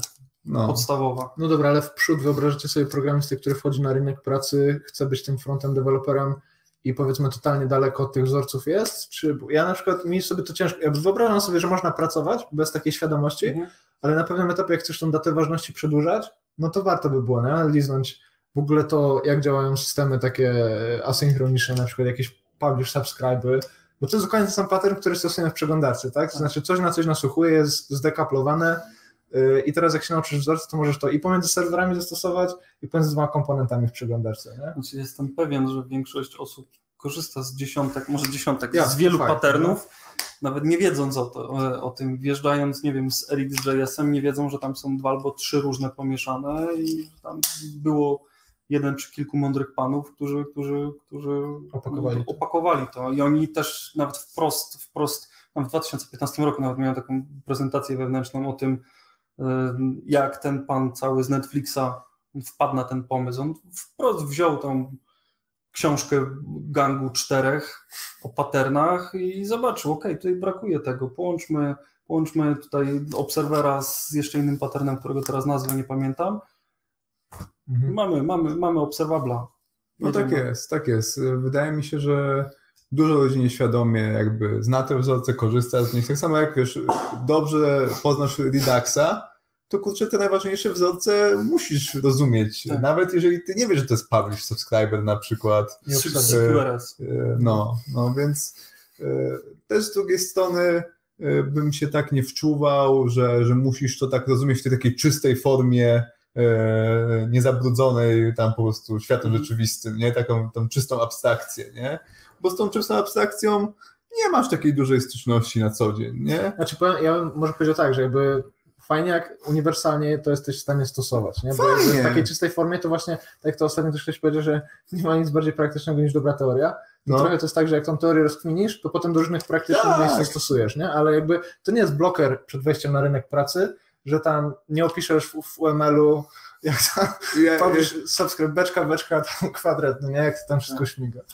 Gdzieś tam mi się wydaje, że do poziomu dojrzałego regulara to możesz po prostu to rozumieć, wiedzieć jak to stosować w praktyce, bez takiej mocno abstrakcyjnej rozkminy. Ale to też jakby chyba na dzisiaj bardziej, nie? No, Na dzisiaj, Wydaje mi tak. się, że dzisiaj już mamy tyle tych warstw abstrakcji, mamy. te komponenty, te jakby te frameworki są na tyle grube i jakby ukrywają te wszystkie te, no nie wiem, Mhm. RX, tak jak ty powiedziałeś, RxJS, nie? Korzystasz z tego, dostajesz streamy, dostajesz jakieś zdekaplowane elementy UI, nawet nie wiesz, że to są jakieś dwa wzorce na krzyż tam tak naprawdę, Tak. nie? No bo nie musisz o tym wiedzieć, nie musisz. e, Czy może inaczej, to nie jest nic złego, żeby, żeby nie wiedzieć, że, że nie wiem, że wszystkie te higher order functiony, które są tam używane w RxJS-ie, że to jest, nie wiem, z linku z, z Microsoftu sprzed tam nastu lat zgarnięte. Nie musisz o tym wiedzieć, ale wydaje mi się, że jest ten pewien poziom, w którym w pewnym momencie zaczynasz kwestionować jakieś założenia To jest mega ważne. dochodzisz do momentu, że myślisz sobie, kurczę, coś mi śmierdzi w tym Reduxie, albo Tak. coś jest nie tak z tym Angularem, albo e, React jest fajny, jest cool, ale e, pozwala jakby wolność, jaką e, dostaliśmy na przykład większej organizacji, sprawiła, że mamy jakąś totalną gnojówkę i Tak. musimy mieć coś bardziej ustrukturyzowanego. Czyli zaczynasz kwestionować jakieś założenia, e, to to jest moment, w którym zaczynasz naturalnie wsiąkać Tak. wsiąkasz tak Wtedy- głęboko, że widać tylko. To, to, jest, to, jest, to jest mega super przemyślenie. Gdzieś tam się łączy trochę z tymi moimi ostatnimi wojnami yy, u nas na kanale, które prowadzę pod filmem Przemka o tej windzie, gdzie bardzo dużo ludzi pisze, że to jest y, głupota i bez sensu, takie są wypowiedzi, no bo to narusza na przykład y, pattern najważniejszy, wydawałoby się na froncie, czyli separation of concerns, nie? No, Złoty pattern, no i ja piszę ludziom, nie? No ziomku, ziomeczku, nie? No w sensie ten, ten pattern to, to już taki trochę martwy Bóg, nie? Jakby nie, nie, ma tego na co dzień w naszej codziennej pracy, albo powiedzmy, że nie jest to jakieś specjalne istotne. Nie? No przecież Angular... Ja, ja bym powiedział inaczej. Jest istotne, ale tutaj trade-off tego, co zyskujesz z Tak. Stylewinem, jakby przewyższa Przewyższa koszta. tą, ten, ten koszt, nie? Ale na przykład w Reakcie czy w Angularze też naruszasz to separation of concerns, nie? Gdzieś tam, no bo operujesz na poziomie komponentu, który, gdzie jest ten tight coupling y, tej warstwy, powiedzmy, prezentacji, y, tego jak to działa. Y, No w Angularze to już w ogóle, bo masz te wszystkie dyrektywy, wpieprzasz się po prostu w logiko, z logiką w... Czyli ludzka tak w- naprawdę, no? Bo to powiedzieć tight, no. Znaczy na swój sposób tight, nie? No bo bezpośrednio powiązujesz to, jak ten, tem- No, ten template z tą, z tą swoją logiką, nie? No jest to, jest to ze sobą związane. No ale jakby, nie? no tak, tutaj można by dyskutować, że nie robisz tego tak imperatywnie, że mówisz teraz się to properties aktualizuje, a teraz to. Jakby No, to jest jakby, wiesz, to ci framework odkleja, nie? No ale nie ma tego separation takiego pełnego, No, nie? No jakby no teraz nie wiem, ja jestem zdania, że separation of concerns to teraz, jakby, a ja traktuję komponenty już niepodzielnie, nie? Jakby, ja też to jest jedna, tak- jedna tak całość, to jest ta I teraz enkapsulacja. kto wymyśli ciekawszy sposób na komponent, to rozkminił widok, nie? Dopiero. Tak naprawdę. Znaczy, separation of concern to jeszcze jest jakby w, której warstwie to naprawdę No, zaczyna ma znaczenie, nie? Tak, znaczy sprawiać, że popełnienie błędu będzie kosztowne. No, no Na poziomie takich niskich komponentów to to nie jest koszt. No, no nie jest, nie? co poświęcasz? Nic Tak, nie tak, poświęcasz, pra- nie? Prawdziwym, prawdziwym kosztem jest, jest, jest maintenance. Jeżeli popełnisz na poziomie architektury y, jakikolwiek błąd, to odwracanie tego jest kosztowne. Tak. Dlatego, nie wiem, wszystkie nowoczesne trendy związane z evolutionary architecture i tak dalej mówią, że optymalizujesz się na zmianę. Tylko No. na to, ponieważ y, zmiana to jest coś, co jest nieuniknione w obecnym, w obecnym świecie i będziesz zmieniał ten kod. Tak. Jeżeli masz pozmieniać trochę inaczej, jeżeli masz tego Tidewinda i dzięki niemu e, dostajesz spójność, narzędzia, żeby zbudować coś szybko i popełnisz jakiś błąd na poziomie komponentu, to to nie jest błąd. No nie, bo możesz łatwo ten błąd Tak. naprawić, nie? Ja mam ciekawą historyjkę w 2014 Na Jirze? roku. Tak. E, Myślałem nawet, żeby napisać do tej mojej koleżanki. Pracowała ze mną koleżanka, która też ze mną była na studiach i ona zaczęła pisać 7 lat temu w taki sposób, stworzyła sobie taką lipkę takich utili, pisała w sp- sp- kod w taki sposób. I oczywiście Wiktor powiedział, że co ty tutaj Frontendowe bez sensu, PhD, co tak. bez, bez, Jak tak można? bez sensu, Bez sensu. Smax, e, BEM i cała reszta, po prostu ludzie tutaj tworzą olbrzymie koncepty, a ty tutaj mi dopinasz 7 klasek e, na tym, na, na, na, tym batonie. Co, co to znaczy? Co to, Co to znaczy? No i po pewnym czasie Wiktor był w błędzie. Ale Wiktor wie, że był w błędzie. Że to jednak w niektórych przypadkach to rozwiązuje jakieś, e, jakieś problemy. Oczywiście nie w każdym, No ale w tak. jakimś rozwiązuje. Czy tutaj w ogóle też ciężko mówić na przykład o takich mocnych błędach w przypadku technologii, która miała premierę rok temu, nie? Jakby to jest No. tak młode wszystko. No, no jest, Po prostu... nawet chodzi może nie o samą technologię, ale o, No, o no. podejście. O podejście, nie? bo Bo podejście, podejście nie tak, jest tak. ewolucyjne, nie? No nie. Chodzi o to, na jakim poziomie ty enkapsulujesz, na jaki, jak, jak ty patrzysz na to, nie? Czy ty enkapsulujesz na poziomie klasy CSS, y, ukrywasz y, te, te szczegóły gdzieś tam w klasie bemowej, czy ty to ukrywasz na poziomie HTML-a, gdzieś tam tworząc komponent, to nie ma specjalnego znaczenia i tak zachodzi ta enkapsulacja, gdzieś ten szczegół jest, nie? Dotyczący tego, jak ten komponent wygląda. No, czy najważniejsze tutaj chyba jest wtedy już spójność, nie? Jakby Tak. Jak w jednym rogu aplikacji robisz tak, a w drugim inaczej, okej, jest problem, no to się zaczynamy pewnie czepiać. No to wiele, wiele osób, nie wiem, kurczę, Musisz do mnie się przytulić troszkę, bo Uncle Bob Martin często, często wspomina, on ma o tych standardach różnych, że w niektórych momentach on ma naprawdę w, w pupie, jaki ten standard będzie, ale żeby to był standard, żeby była jakaś spójność. Tak. mm, Oczywiście jak będzie bez sensu, no to, to, to lipa, ale... Ja na przykład taką obserwację mam po, po dwóch ostatnich latach przy candidate portalu smarto, smartowym, że jakby takim jednym z ważnych skilli dla frontend dewelopera jest kontrolowanie chaosu. To znaczy jak, jak w obrębie komponentu jesteś w stanie po prostu trzymać ten chaos pod kontrolą, taki lokalny i jakby cała architektura całościowa jest ok, to w pewnym sensie te detale, co się dzieje w tym jednym komponencie, przestają mieć znaczenie. Nie? I tu jest jakby taki duży skill. Nie wiem, co tam mówić o tym moim kodzie, jak odszedłem, hmm. ale, ale jakby miałem, miałem czas. To, to jest właśnie to, jak, jak patrzymy na twój kod, to ta empatia się włącza, wiesz, to mówimy, to co się musiał tutaj wydarzyć po prostu. Złóżmy się no, na gościa. Do, dobry kod. Ale, ale nie, no chodzi mi po prostu o to, że jak, jak patrzysz tak troszkę z dystansu na aplikację, i rozumiesz, co się dzieje wysokopoziomowo, to te detale są wymienialne. Jakby musisz się z tym pogodzić, że detale muszą być wymienialne. Jakby, nie? jakby, tak. jakby przywiązywanie się do detali to jest jakby odwrócenie tego, gdzie powinieneś tutaj wagę kłaść, chyba tak mi się trochę wydaje. Nie? I na przykład jak, jak teraz są te wojny o Tailwinda, no to mi się wydaje, no jest, jest kupa tematów ważnych na froncie, których nie poruszyliśmy na kanale, typu architektura. Tak. Nie? Moglibyśmy Wiktora zaprosić, jakieś tam właśnie zarządzanie dependencjami, w ogóle accessibility, accessibility użytkownik w ogóle jakby, czy to, czy te, te trzy klasy wrzucisz tam z tego tailwinda. Totalnie to nie ma sensu. Nie? Czy, czy, czy to napiszesz w osobnym pliku CSS, to to nie jest ten problem o wadze 1, nie? to jest problem o wadze 0,5. 0,05. 0,01, bo 0, nikt no. tego, żaden użytkownik twojego HTML-a nie czyta i, i, to, czy ty masz po prostu pazerne, super dopieszczone bemowe klasy, y, czy utility, totalnie jakby nie ma znaczenia dla tego użytkownika, tylko jest kwestia tego, czy ty się gdzieś tam zakopiesz z utrzymaniem tego i ze zmianą, ze zbudową. Nie? No, można zrobić sobie taki... taki... E, Przemku, nie stresuj się, że jesteśmy na żółto, wiem. E, bo na żółto nie, jesteśmy to tylko to, tutaj, no, wiem, wiem. ale ja, ja to zaraz ogarnę. Dobra. Dobrze. Myślę, że to jest, można sobie stworzyć taki mentalny eksperyment, żeby spróbować zamodelować sobie przyszłość i twoją i wszystko dookoła w momencie, jak ty wprowadzisz tego tailwinda, czy jakie problemy to rozwiązuje, mhm. jakie wprowadza. E, tak. Zobaczyć, czy na przykład jak będziesz im, im, głębiej będziesz wchodził z tym tailwindem, co się stanie, czy stanie się coś, coś, coś złego. Czyli Ale tutaj to... dochodzi do tego takiego myślenia o systemie, o tak. całości, więcej niż o swoim kawałku.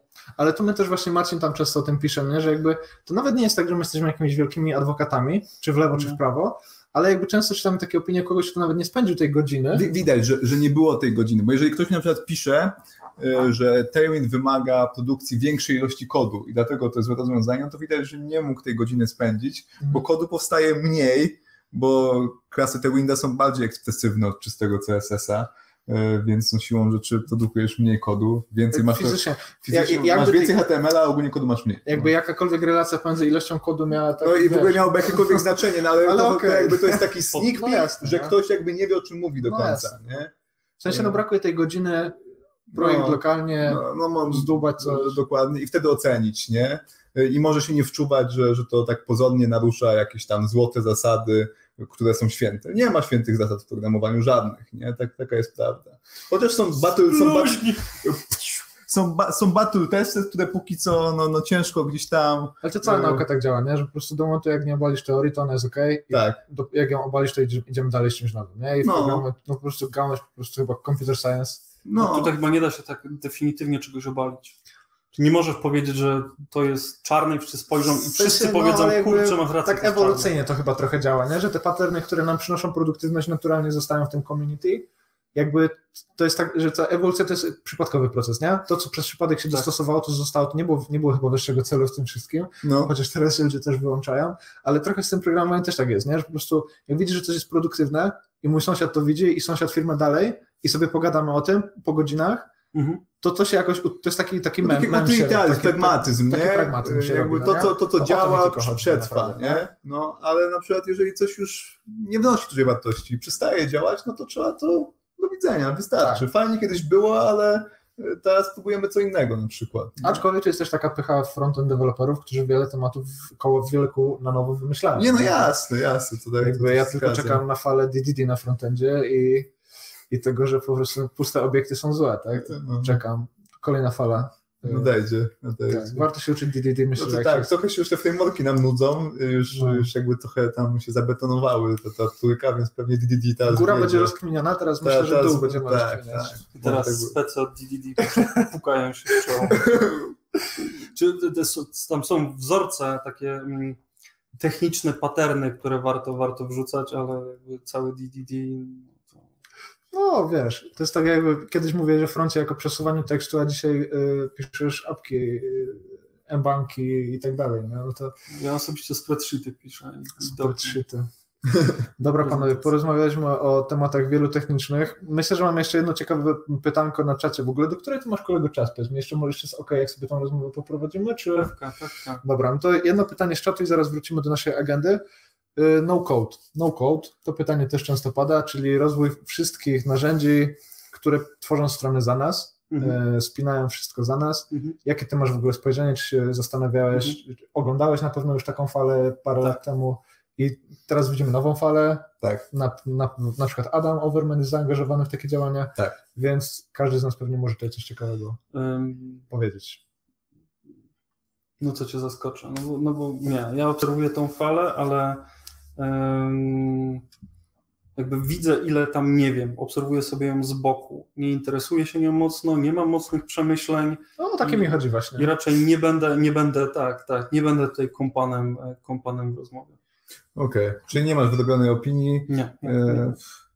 Czy od, od, nie wiem, z naście lat temu już było słychać e, takie rozmowy o tym, że, że można generować jakąś część kodu z jakiegoś metajęzyku, chociażby nawet mówionego. Mhm. Były projekty w, nawet w Polsce, znajomy znajomego, który chyba nawet teraz pracuje u nas. Znajomy szwagra. Znajomy szwagra, kuzynki od strony brata.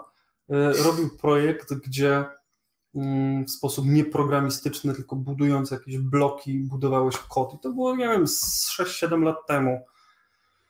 Inaczej zapytam, czy boisz się tego, czy na przykład obawiasz się, że te skille, które my mamy kiedyś się staną niepotrzebne, czy ty się tego boisz? No ale to wyobraź sobie, wyobraź sobie jakby to, jakbyś zadał e, to pytanie 40 lat temu gościom od Assemblera. Wydaje mi się, że to będzie normalna ewolucja, gdzie to będzie jakaś kolejna warstwa abstrakcji, ale i tak będzie potrzebny ktoś, kto będzie, powiedziałem, że nie mam przemyśleń, i tak będzie potrzebny ktoś, kto, kto, kto będzie, kto będzie kto będzie za to, za to odpowiadał. A propos właśnie zadawania ciekawych pytań, ostatnio czytałem taki artykuł, że wiele osób, na przykład widzisz gdzieś jakąś rozmowę i nagle ktoś zadaje jakieś głupie pytania. To zadaje je tylko po to, żeby y, jeżeli twój, twój, rozmawiający jest bardzo zamknięty, bo jeżeli mm. zadasz mu jakieś kontrowersyjne, czy nawet sprzeczne pytanie, to mówi, ale jak tak, no przecież to nie tak, okay. wtedy się otwiera i zaczyna mm. nawijać i jedzie. No właśnie, dlatego zapytałem, czy się boicie. Ty się boisz na przykład, Marcin? Nie, ja się nie boję, bo no-code już jest z nami od, od dawna, nie? No WordPress przecież to chyba, no, no co to jest jak narzędzie no-code czy tam low-code, nie? To jakby e, na to jest rynek e, małych projektów e, o ograniczonym budżecie, gdzie powiedzmy czas wykonania jest e, ważny, żeby był niski, żeby koszt był niski e, i sam produkt jest dość standardowy, na przykład sklep, który no powiedzmy wszystkie są do siebie dość podobne, albo jakiś tam strona restauracji, więc no teraz jakby mamy nowy jakby rzut, nową generację tych narzędzi, które robią to pewnie lepiej od WordPressa, E, ładniej, szybciej. No ale też e, wszystkie te edytory, nie? Tak, developer experience jest e, przyjemniejszy, nawet może nie potrzeba tej wiedzy technicznej coraz mniej, bo na przykład do mnie nie przemawia to, żeby ktoś był w stanie postawić WordPressa, kto nie ma jakiejkolwiek wiedzy technicznej, to jest niemożliwe, wydaje mi się. A myślisz, że te, te, narzędzia nie mają, to nie jest nie, no możesz.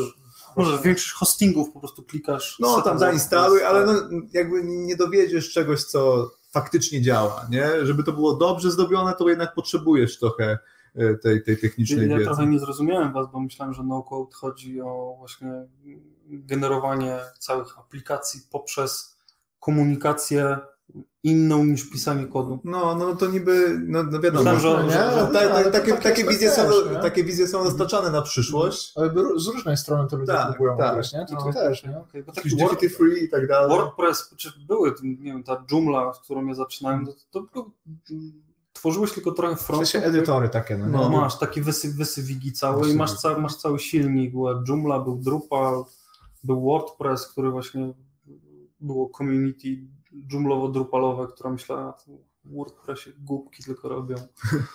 Prawdziwi spece, którzy lubią wejść do pasa w gówno, robią w Drupalu.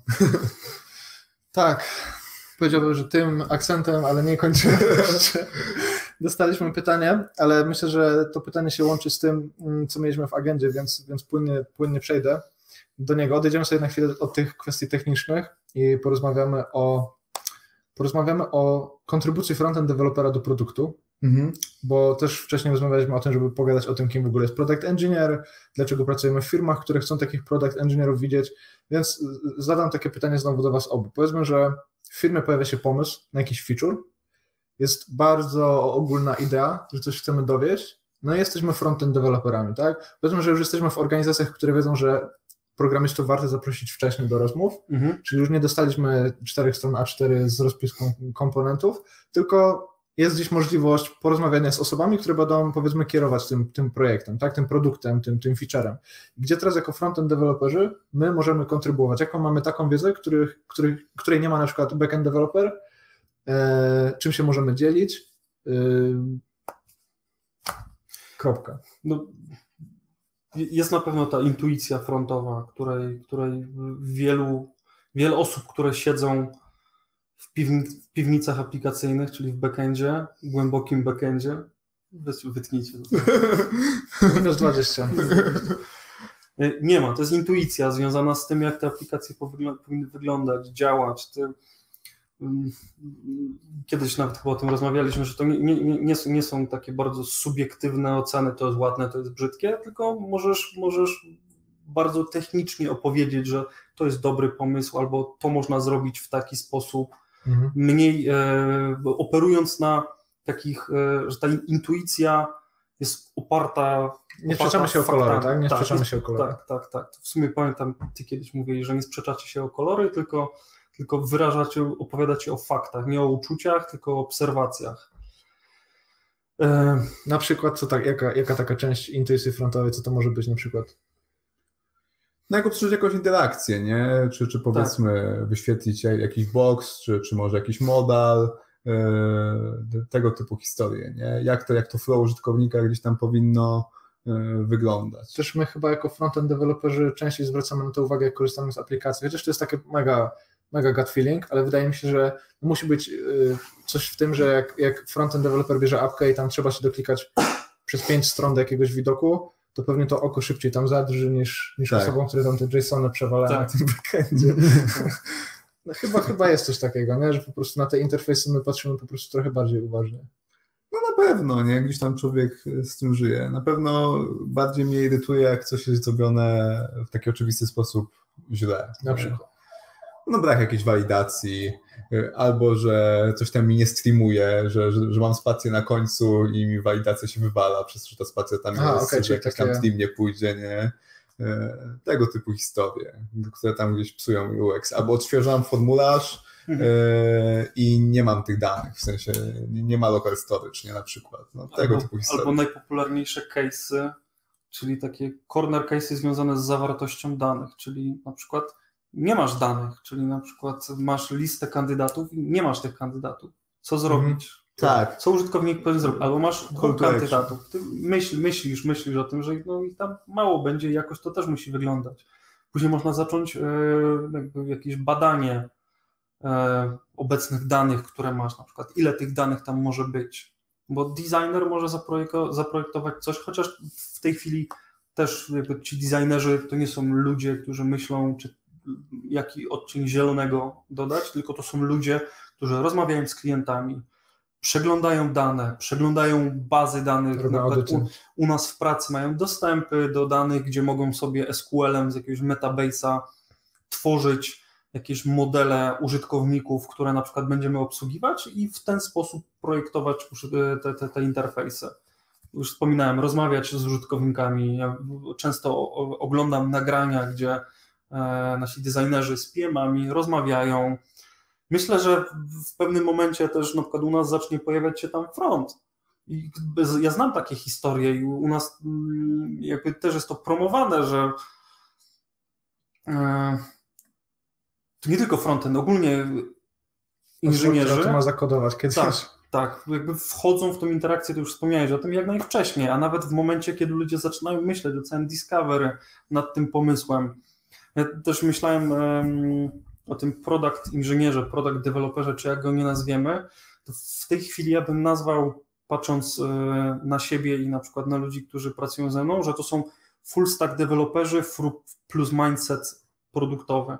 Tak oni teraz wyglądają, przynajmniej u nas w firmie, ale ja bym później zostawiłbym dla każdego product developera tą część produktową i ta poniższa się zmienia. Są ludzie, którzy zajmują się bardzo full stackiem. Są frontend designerzy, którzy to są ludzie tacy jak dawniej, którzy są bliżej designu i znają się na przykład tylko na HTML-u, CSS-ie i podstawach jakichś frameworków i to jest jak najbardziej ok. Oni mają kupę innych skilli, które, które są zarobiście potrzebne. Cała, cała mm, to jest też ciekawe, jak, jak, budować zespoły, jak zatrudniać ludzi. To są e, jakby rozkminy, które nasz wspólny kolega Michał u nas w pracy pewnie ma, jak tworzyć zespoły, które są sustainable. Jak jest po polsku sustainable? Utrzymywalne. Nie, może to nie jest dobre słowo, sustain. Inaczej, które, które są, e, może inaczej, które e, potrafią samodzielnie dostarczać jakąś wartość i no, ktoś tam samowystarczalny. Tak, samowystarczalny. Ktoś tam z góry, z, z góry na to patrzy i pomyśli, ok,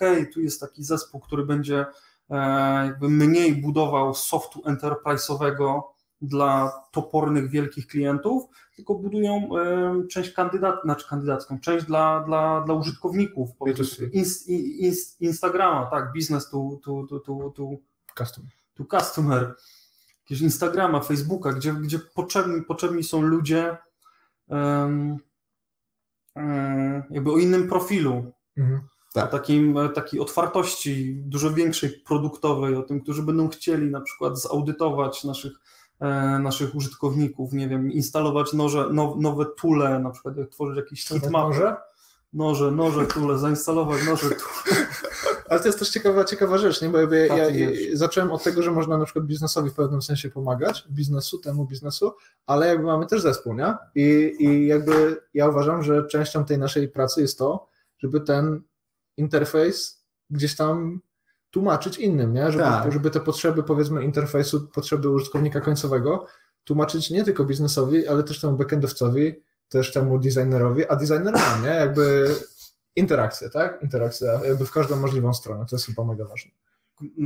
Nie wiem jak w innych firmach, ale u nas generalnie każdy jest product inżynierem, czyli ten backendowiec, czyli ktokolwiek inny, to jest, każdy jest product inżynierem, czyli każdy chcąc nie chcąc jest jakoś zaangażowany w tą pracę produktową, nie tylko e, w, w pisanie kodu.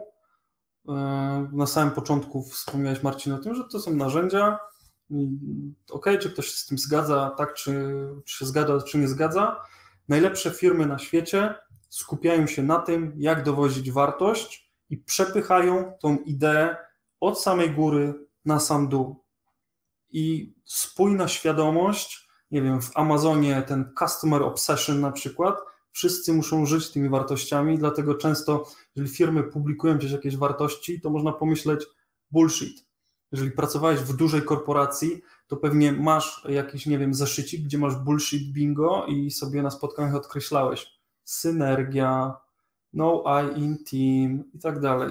Ale to była może zła forma przedstawienia idei, która powinna trafiać do ludzi. Teraz to jest do mnie w taki bardziej toporny sposób trafia.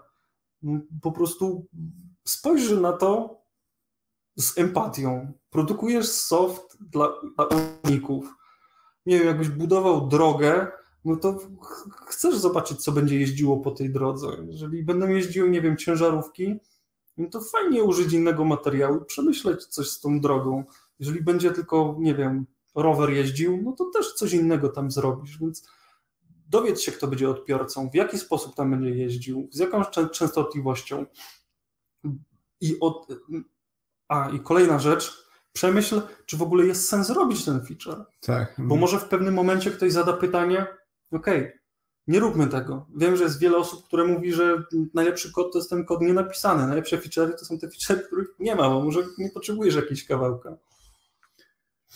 To, to, jest, to jest spoko rozkmina. Ja e, Co ja chciałem powiedzieć? Czy może odpowiesz mi na pytanie? Gdzie takie, skille, gdzie takie skille w ogóle złapać? Takie, o których Wiktor mówił. Na przykład ty pracowałeś w firmie, gdzie yy, o, o wiele mniejszej niż teraz, Tak, gdzie trzeba było być odpowiedzialnym za wiele różnych rzeczy jednocześnie. tak. Nawet jak byłeś programistą w teorii, to powiedzmy ten klient to była codzienność, ten biznes to był codzienność, nie? I No tak. myślę, że takie środowisko było dla Ciebie wartościowe, jak chodzi o wyrobienie sobie takiego produktowego skilla, czy na przykład na co dzień też masz jakieś takie techniki, praktyki, albo Ty, czy masz takie techniki, praktyki, które gdzieś tam pozwalają poza ten framework wychodzić? Mi generalnie firma pomogła. To, że byli ludzie, którzy mieli ten mindset, powiedzmy, Czyli miejsce pracy, tak? Po z prostu. Doliny Krzemowej i w pewnym momencie zaczynasz, uważać, z- zaczynasz zauważać, że okej, no te wartości jakieś firmowe to jednak coś daje, zaczynasz o tym myśleć albo jakikolwiek właśnie ten nacisk na to, że no, nas, nasz dyrektor wspomniał, jak ci biedni użytkownicy na przykład mają wiedzieć, że coś tam się stało. Oczywiście to, to był problem z tym, że złą wiadomość wyświetlaliśmy. Oczywiście to nie jest emergency, nie pojawi się ticket w Jirze, nie będziesz miał, nie wiem, 24 godzin na rozwiązanie, tylko będziesz miał miesiąc. Ale ty jesteś frontend deweloperem, y, twój profesjonalizm, jak Uncle Bob wspominał, on oczekuje profesjonalizmu, twój profesjonalizm w tej dziedzinie to jest y, poza oczywiście napisaniem bardzo dobrego kodu, y, przetestowaniem go, to jest głównie dostarczenie feature'ów, które będą rozwiązywały jakieś ludzkie problemy.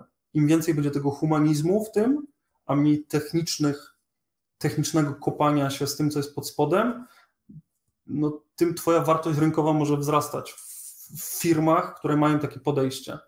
I teraz jeszcze jedną rzecz zaznaczę.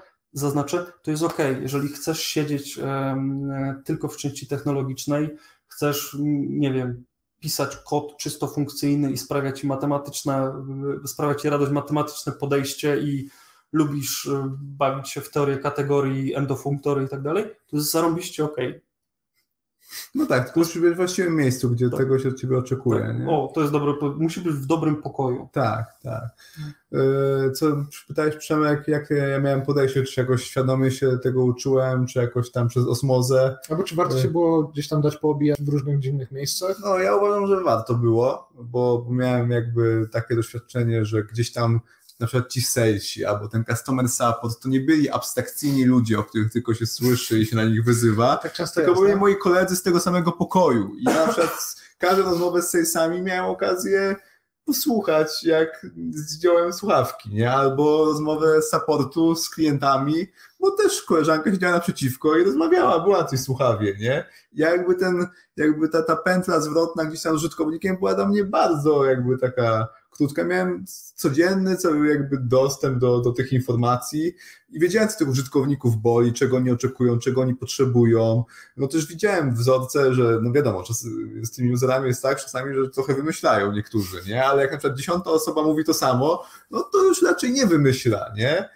No i to miało duże też przełożenie na e, ten wynik finansowy, gdzie każdy klient miał znaczenie, e, gdzie faktycznie jak coś dowiozłeś i komuś to życie ułatwiłeś, to ta umowa się przedłużała, albo ktoś tam wszedł, e, mówił, że wejdzie, jeżeli mu coś dowiedziesz, dowiozłeś i, i wchodził, więc miałeś jakby nie dość, że czułeś ten biznes, e, że, że to, co robisz i że pomagasz użytkownikowi, się przekłada na kasę, no to też jeszcze słyszałeś faktycznie, jak ktoś tam dziękuje, nie? Że, że coś takiego zostało zrobione, albo dałeś w czymś ciała i, i ludzie narzekali, nie? Więc to jest na pewno w takich małych firmach fajne i, i to dlatego zawsze polecam gdzieś te startupy, mimo że po prostu chujowe komity będziesz robił na gicie y, i, i jakieś tam po prostu złe nawyki pewnie wyciągniesz i tych testów będzie za mało w twoim kodzie, no to nauczysz się takich rzeczy, których na przykład w Software House'ie, gdzie masz trzy warstwy biznesu pomiędzy tobą a userem, albo i więcej, y, no to nigdy się tego nie nauczysz, nie? Coś zacząć po prostu. I teraz pytanie,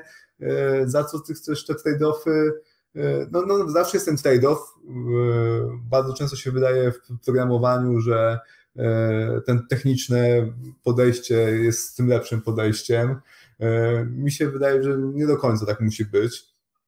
I jednak fajnie na tą produktową część postawić, bo chodzi o to, że te techniczne skille dużo łatwiej gdzieś tam mimo wszystko nadrobić po godzinach, usiąść sobie i na przykład to testowanie, na które nie ma czasu w pracy, sobie rozkminić samodzielnie, nie?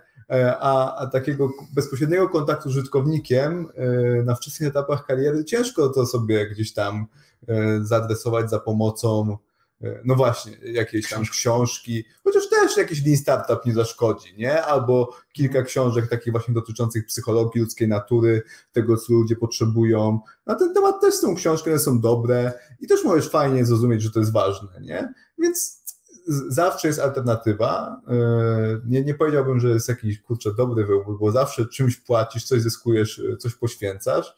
E, no tym mniej fajnie być kompletnym, nie? E, jak robisz ten trade-off, to mówisz, aha, to ja będę na siebie na przykład odpowiedzialność za to, że się będę musiał podciągać technicznie samodzielnie, ale będę musiał się podciągać produktowo samodzielnie. Nie? Moim zdaniem takie zakopywanie się, że o, jestem produkt engineerem, to yy, powiedzmy, że, że ten rozwój techniczny mam gdzieś, to nie jest w porządku. Tak samo też gdzieś tam zakopywanie się... ze skrajności. Tak, tak. Nie można po prostu yy, dewaluować tej drugiej strony, wiadomo, że złoty środek zawsze jest w różnych miejscach, w zależności gdzie jest ta firma, ale warto gdzieś tego złotego środka szukać, nie? I gdzieś tam faktycznie być tak, że już dowożę na jednym i na drugim froncie. Ja myślę, użyłeś zwrotu kompletne. I jak ja często myślałem na przykład o takim technicznym podejściu, jest, jest taki zarobisty tok właśnie uh, Uncle Boba Martina Expecting Professionalism i tam jest ten jeden kawałek taki produktowy, doklejasz i to jest obecnie taki kompletny obraz.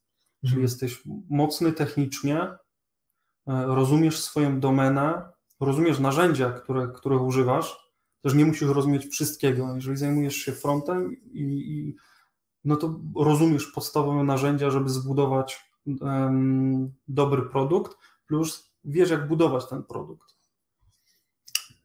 Czyli trochę tego Trochę, trochę tego. tego. I dobre miejsce pracy i w tym wszystkim pomoże trochę szczęście. Na pewno. Bo ja nie ukrywam też, jak przychodziłem do Smart Recruiters, w ogóle nie miałem pojęcia, do jakiej firmy y, wchodzę i po prostu klikło.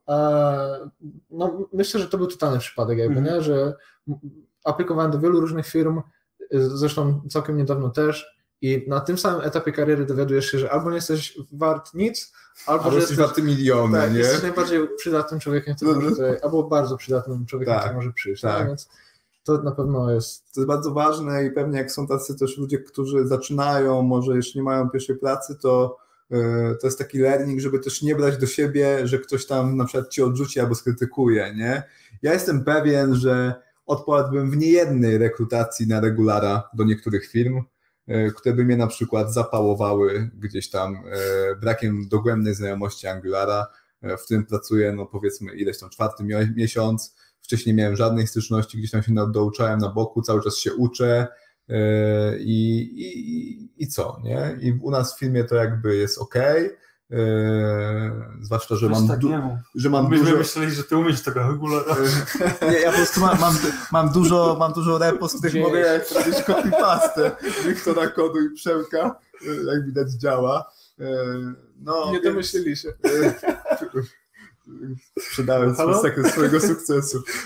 No, więc po prostu nie wczułabym się też w takie oceny, bo one zawsze są mocno związane z kontekstem, one nie są bezwzględne. Nie ktoś cię zawsze ocenia przez pryzmat swoich potrzeb, e, a rynek ma różne potrzeby. Nie? I tak jak Przemek powiedział, w niektórych po prostu filmach możesz zostać lidem z wejścia, a w niektórych możesz, wiesz, cię odrzucą nawet na regulara, nie? bo ci powiedzą, że po prostu nie jesteś, e, nie, nie pasujesz do ich tabelki. No, no tak. Dlatego co? Jak, jak, jaka tutaj myśl? Myśl jest taka, e, żeby szukać właściwego miejsca dla siebie e, i ono pewnie gdzieś tam jest, nie? W sensie, że też jakby nie, nie definiujemy się jakby pierwszym, drugim miejscem pracy jakby, nie? że jakby to jest... No to, to w ogóle, nie? Ja uważam, że te pierwsze 5 lat to totalny jakiś tam eksperyment. Co nie będziesz robił, to i tak się czegoś nauczysz bo nie umiesz nic. No więc to, to ogólnie łatwo się czegoś nauczyć, jak się niewiele potrafi. Nie? Mhm. Najgorzej gdzieś tam wydaje mi się zakopać w piwnicy, yy, robić do szuflady i nie, nie, nie wyruszyć do tego prawdziwego świata. Nie? Ja czekam, czy może nie czekam, ale w, w pewnym momencie, mm, teraz może jest taka nisza, trochę związana z na przykład zatrudnieniem juniorów czy, czy ludzi, którzy startują może nie nisza, ale jest dołek, mhm. ale w, w, wiele firm mm, w pewnym momencie, znaczy już tak działa, a wiele firm będzie tak działało, że będą jakby publicznie chwaliły się swoimi wewnętrznymi procesami success story, jak na przykład ktoś z interna stał się seniorem. Tak. Na przykład z tym, że ty idąc będziesz wiedział, ok, idąc do takiej firmy, wiem, że dostanę badiego, ktoś nie będzie po prostu stał nade mną i mówił, o ja pierdolę, coś tutaj chłopiec zrobił. No jasne, co to za shit, no, nie? I e, to też wydaje mi się, że to jest taka naturalna ewolucja, że ta empatia wśród, wśród e, inżynierów i jakby kultura wewnętrzna trochę zmieniła się, że to nie wygląda tak, że ty, ktoś patrzy na ciebie i mówi, co ty kurde ziomuś, pierwszy raz Anta czy tam Gradla widzisz? No, myślałem, że wszyscy fronci to wiedzą. No. Ja nie wiedziałem nic, nie? tak i jakby e, wiele osób właśnie myśli o tym bardziej, bardziej, bardziej e, powiem po raz enty systemowo, o tym, że e, takie rzeczy rozwiązuje się na innych, innych warstwach, bo to nie jest ważne z, z, tego poziomu. Ważne jest to, że ty przyjdziesz, będziesz miał jakieś możliwości do rozwoju, my wiemy, czego ty chcesz się rozwijać, w jakim kierunku chcesz się rozwijać, plus jak ty wiesz, w jakim kierunku chcesz się rozwijać, bo ci na przykład przeprogramowani powiedzieli, no to jeszcze lepiej. Najpierw jakbyś sam wiedział, nie? No to w ogóle byłoby super. A to jest, to jest ciężkie. No, ja, Jest nie, ja nie wiem, kiedy, nie wiem, czy doszedłem nawet do tego miejsca, w którym chciałbym wiedzieć, znaczy w którym wiem, w którą stronę się będę rozwi- rozwijał. No to już wchodzimy Plus teraz na minus. jakieś tematy, wiecie, wyznaczenia. Sens życia. Sens życia, nie? Sens Także- życia. Ale żeby troszkę tutaj panowie odelżyć, No. pogadajmy sobie o tym, co nas jara, co nas zawiodło. Tak. Ogólnie w środowisku programistyczno-frontendowym. E, tak troszkę sobie skaczemy, troszkę o karierze, troszkę o technikaliach, troszkę o karierze, troszkę o technikaliach. Było o karierze, to pogadajmy sobie teraz o technikaliach i o takim naszym spojrzeniu na to, jak wygląda frontend. Gdzieś tam pewnie powoli zbliżając się do końca tej mega Tak. ciekawej rozmowy. No to może zacznijmy od Marcina y, w dwie strony, tak? Jakby co w ostatnim czasie Cię na przykład zawiodło, na co miałeś duże nadzieje, jeśli chodzi o frontend albo programowanie ogólnie i co idzie takim torem, że powiedzmy widzisz, że wiesz, że to ma sens, chcesz się zapisać do tego kościoła i, i Okej. warto, nie? No dobra, to w zasadzie co do, co do tej krytyki, to zrzucę bombę na siebie głównie, tak Mhm. naprawdę, bo chyba jestem jednym z większych popularyz- popula- popularyzatorów tej technologii w Polsce. E, tak wyszło. E, Gatsby, Gatsby.js, e, jeden z najpopularniejszych moich odcinków na kanale. Wiele pewnie osób do tego Gatsby'ego zachęciłem. Mhm. A teraz po jakiejś tam, jak już mam większe doświadczenie, no to widzę dużo wad tej technologii. No i gdzieś tam nie przez przypadek uciekaliśmy z tego na przykład na naszej stronie i już, już jakby nowa wersja przeprogramowanych na tym Gatsby nie lata, więc, więc to jest jakieś tam powiedzmy rozczarowanie e, trochę. A też może powiedzmy, jakie tam potrzeby i jakie problemy były, nie? Żeby to też był taki szok, powiesz. No, no jasne. E, Problemy były z build time'em, budowało się to strasznie e, długo i, i komputer chciał po prostu wybuchnąć. E, Co tam jeszcze? Kustomizacja też taka. Custom, no, du, dużo jakby ograniczeń wbrew pozorom. Co tam jeszcze? Problemy z optymalizacją, duża paczka, e, którą ciężko zoptymalizować, bo, bo ten JS jednak jest spieprzony e, i, i przez to gdzieś tam to LCP e, leży, które teraz jest szczególnie istotne, bo te aplikacje są mega szybkie, jak już się załadują, no niestety Google specjalnie tego nie mierzy, nie? Google głównie mierzy to pierwsze ładowanie i przez ten pryzmat gdzieś tam na Ciebie będzie patrzyło.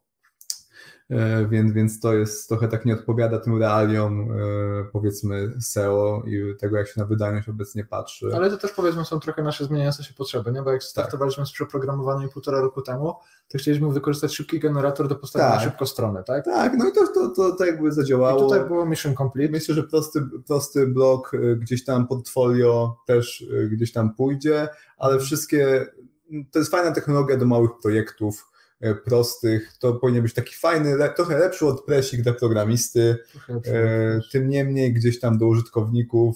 z wielomilionowym e, finansowaniem. Obraziłeś teraz po prostu wszystkich No. inwestorów tej Tak, technologii. o tym niemniej, Maciej Czarkowski po prostu. tak, tym niemniej gdzieś tam na większy projekt, też z użytkownikami nietechnicznymi, to bym tego y, Okej. gdzieś tam nie, nie, nie wrzucał, bo te headless CMS-y też się teraz zrobiły strasznie drogie na przykład, to miało być takie super ekstra, tutaj Gatsby, wpinasz cokolwiek i śmiga, a potem się okazuje, że są wysokie abonamenty i że dużo trzeba po prostu gdzieś tam. Z jednej jawki masz dwie do utrzymywania. Tak. tak masz backend osobny. I masz super jeszcze gra w QL, w tym po prostu tyle musisz napisać tych QR, Dobra, żeby cokolwiek wyciągnąć. To, to, to jest jedna strona. No, Wiesz, teraz musisz to jakoś przechylić.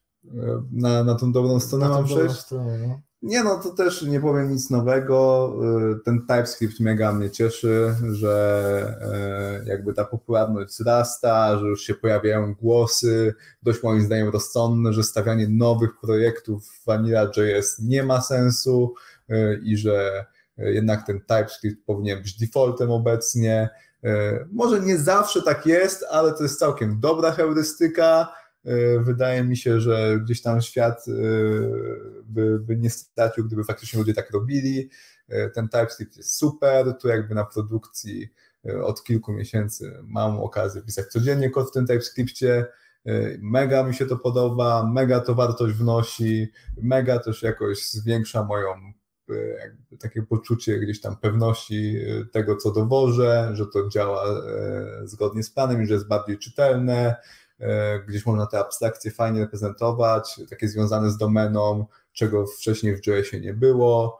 e, I, I to jest moim zdaniem mega super kierunek i się cieszę, że, że ten TypeScript gdzieś tam po prostu wjeżdża e, i nie jest, wjeżdża z buta i nie jest tylko już takim tematem angularowym, ale też jest po prostu tematem reactowym, jest w ogóle tematem gdzieś tam JS-owym. A tak czujesz, że on tak zaczyna być takim defaultem? No wiesz to, ja jakby, czy, czy ja tak czuję, Yy, gdzieś tam były dyskusje, jak ostatnio udostępniałem yy, odcinek o TypeScriptie na grupie React Polska, Mhm. no to dość dużo osób gdzieś tam yy, zgłaszało, że, że oni mają takie podejście, wiadomo, z Michałem Miszczyszynem na, na czele, no ale jak, jak, tam- Jak, w którą stronę? No, że, że, że, że default, że TypeScript to default, nie? E, Ja powiem Ci, że nie powiem, pewnie są projekty tak małe, gdzie to nie wniesie wartości, a pewnie trochę przeszkodzi, ale, ale myślę, że to, jest, że to jest spoko. I jak mówiłem też, ostatnio o tym gadaliśmy, moim zdaniem ten kosz nauki TypeScripta jest niewspółmiernie mały do wartości, jaką on wnosi. Chociaż wiadomo, tak jak też powiedziałeś słusznie, trochę komplikuje build proces, który i tak w JavaScriptie jest zamotany i może przytłoczyć, nie? A czytałeś arty, jakieś artykuły krytycznie spoglądające na TypeScript, na przykład tam TypeScript Tax? Tak, e, Erika Eliota. Tak, Znaczy, ja, ja uwielbiam Erika Eliota i wszystkie ja- serie, nawet ja tą, też tą książkę lubię. gdzieś mam i Spoko. bardzo, bardzo, bardzo ciekawe, ale tutaj tak czytałem i miałem wrażenie, że on to, to, tak był trochę, arty... trochę narzeka. to był artykuł napisany moim zdaniem z tezą, w sensie Mhm. teza była postawiona, e, że TypeScript nie jest fajny, Mhm. e, a potem były Tak, szukane tak, argumenty, żeby e, ten, tą tezę poprzeć. Mhm. No bo on tam na przykład się skupił na tym, że ta ilość błędów aż tak nie spada, nie? No więc TypeScript to chuj zaorany, nie? To jakby cały artykuł się głównie wokół tego gdzieś tam buja, ale nie było powiedziane na przykład o tym, na ile wzrasta utrzymywanie tego kodu, czytelność, e, na ile tooling e, w- jakby podnosi produktywność. Dużo jest rzeczy, które ciężko zmierzyć, a które, no jak się ma jakiekolwiek praktyczne doświadczenie, no to widzi, że to wnosi dużo wartości, nie? To są jakieś te błędne założenia chyba, że, że w TypeScriptie nie, nie będziesz musiał pisać testów. Czy No, no coś jasne, to- to są bzdury, To, no. to, jest, to jest bzdura bzdura, nie? musisz No. napisać prawie tyle samo. No, no. no nie, mu, nie musisz sprawdzać typów, nie? E, No po prostu, bo, bo powiedzmy, że TypeScript robi to za ciebie. E, więc, więc e, powiedz... Ale przenosisz się gdzieś poziom wyżej na jakieś testy integracyjne i tak, to ty będziesz Tak, tak, no, no jasne, no. Więc, więc to nie jest tak, że TypeScript cię z czegokolwiek zwalnia, ale nosi dużo wartości. Tyle z mojej strony. Jamro. Jamro. Ja miałem, Dajcie znać, sorry, dajcie znać na czacie, jak to u was wygląda i wiadomo, tam jest taki przycisk subskrybuj i łapki. I teraz. tak, tak. Ja najbardziej cieszę się z tego, że tyle osób subskry- subskrybuje kanał przeprogramowany. No to jest najlepsze na To jest frontendzie. takie moje światełko w moim życiu. Często wieczorami na ten temat rozmyślam, a tak szczerze, miałem przemyślenia związane z testami, a Mhm. dokładnie z piramidą testów. I z tym, że te testy wyglądają tak, że na samym dole masz powiedziane, że ma być jak najwięcej tych unitów integracyjnych i na końcu end-to-endy. I Przypomina mi się odcinek South Parku z, z, z słynną piramidą żywienia i o tym, że oni ją obrócili mhm. i zaczynam myśleć o tym, że w tym momencie to się obraca. Tak. Że te end-to-endy nagle dostajesz taką wiadomość, że może ich powinno być dużo więcej, może nie najwięcej, ale wiem, że na przykład w ThoughtWorks goście nazywają to quantum testing. Ja bym to nazwał jakimś component testing, ale mm, takim patternem, gdzie w pewnym momencie, i mówię tutaj tylko o froncie. Tak, no jasne, jasne. Że mm, ewolucyjnie doszliśmy do momentu, gdzie mamy tyle toolingu, to nie jest Selenium i WebDriver gdzieś jakiś zakasztaniony, którego odpalasz w jakimś gridzie i e, to nie dość, że trwa długo, ciężko o feedback, lokalnie jest to ciężko odpalić, bo musisz w jakimś dockerze, ale i tak może to być problematyczne. Doszliśmy do momentu, gdzie jesteś wspierany do tego, żeby napisać dobre testy end-to-endowe i powinieneś ich pisać więcej. Czyli mhm. ja osobiście będę dążył do tego, żeby zorkiestrować wszystko dookoła i stworzyć, stworzyć um, taki safe space dla ludzi, gdzie koszt napisania takiego end-to-endu to nawet nie będzie end-to-end, to będzie test komponentowy albo ten quantum test, ale to będzie test, który będzie testował twoją, twój komponent bardzo dobrze. Tak. Nie, będziesz, nie będziesz musiał zamykać się. Oczywiście warstwy innych testów też będą potrzebne, ale ten end-to-end to nie jest tylko jakiś mały tip na końcu, tylko będzie tego coraz więcej, ponieważ tooling wspiera to. Mhm. Jesteśmy w tym momencie, gdzie można bardzo szybko tworzyć takie testy i koszt jest czasami no, nie, jest, nie jest dużo większy niż e, unitów.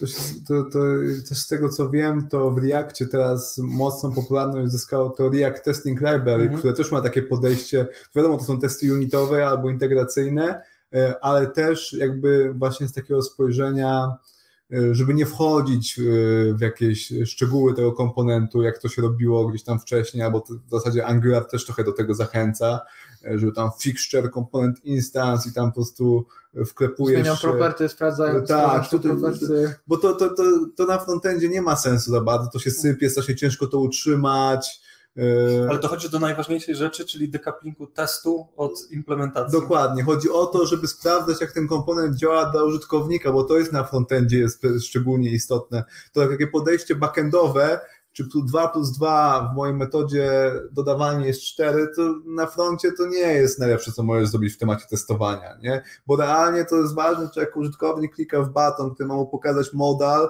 to czy jak kliknie w przycisk, to się pojawi ten modal, nie? I to fajnie by było wiedzieć, że tak jest, a wszystko inne fajnie, ale niekoniecznie, nie? Znaczy, ja bym powiedział, że tych testów, tych unitów i tak będzie bardzo dużo, bo on klika w modal i jest na przykład 196 case'ów albo 196 tysięcy case'ów. Znaczy to ja chciałem taki model, który właśnie też Kent Sidas pokazuje. Ostatnio to jest też taki model, który właśnie trochę piramidę testów stara się zastępować, to jest taki testing trophy. Mhm. Jakby na dole jeszcze zauważa się wszystko, co jest związane z toolingiem, na przykład ES-linty, TS-linty, wszystkie takie historie.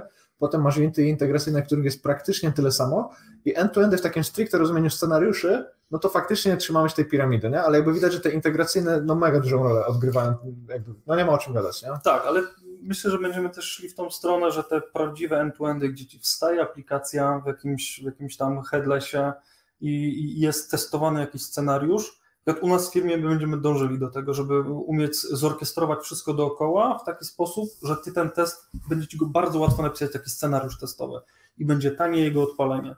Mhm. To nie zastąpi oczywiście żadnych innych testów, nie zastąpi TDD, nie zastąpi innych dobrych praktyk. To jest moja obserwacja związana z tym, co może się wydarzyć. No, ale to ja na przykład teraz bym powiedział, że takie praktyki jak TDD, tam jest więcej it depends od na przykład wartości testów integracyjnych i takich end-to-endów, nie? No, tak, no TDD to jest cały mindset pisania kodu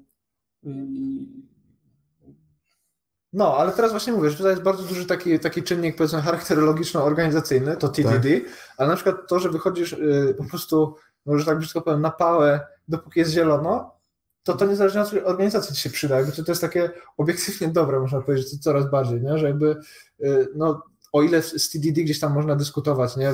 tu można, tu nie można, tam, to wydaje mi się, że taka suita testów integracyjnych, która powie ci, czy na przykład da się dalej zalogować do aplikacji, mhm. no jest ważna. Jest ważna niezależnie od tego, czy się to podoba, czy nie, czy jest firma mała, czy duża, tak, nie? Tak. Jakby... Ja, ja, ja bym postawił każdego dewelopera, który na przykład jest, nie ma doświadczenia z testami, postawiłbym w takim scenariuszu. Jest piątek. Zakładam, że ty pracujesz codziennie do 17. Jest 16.58. Mhm. 5 po piątej wsiadasz w samolot, który wywiezie cię gdzieś daleko, nie będziesz miał dostępu do komputera. Jesteś odpowie- odpowiadasz głową, może nie głową, ale odpowiadasz za aplikację i robisz release. I się czujesz komfortowo. Robisz go i idziesz do domu.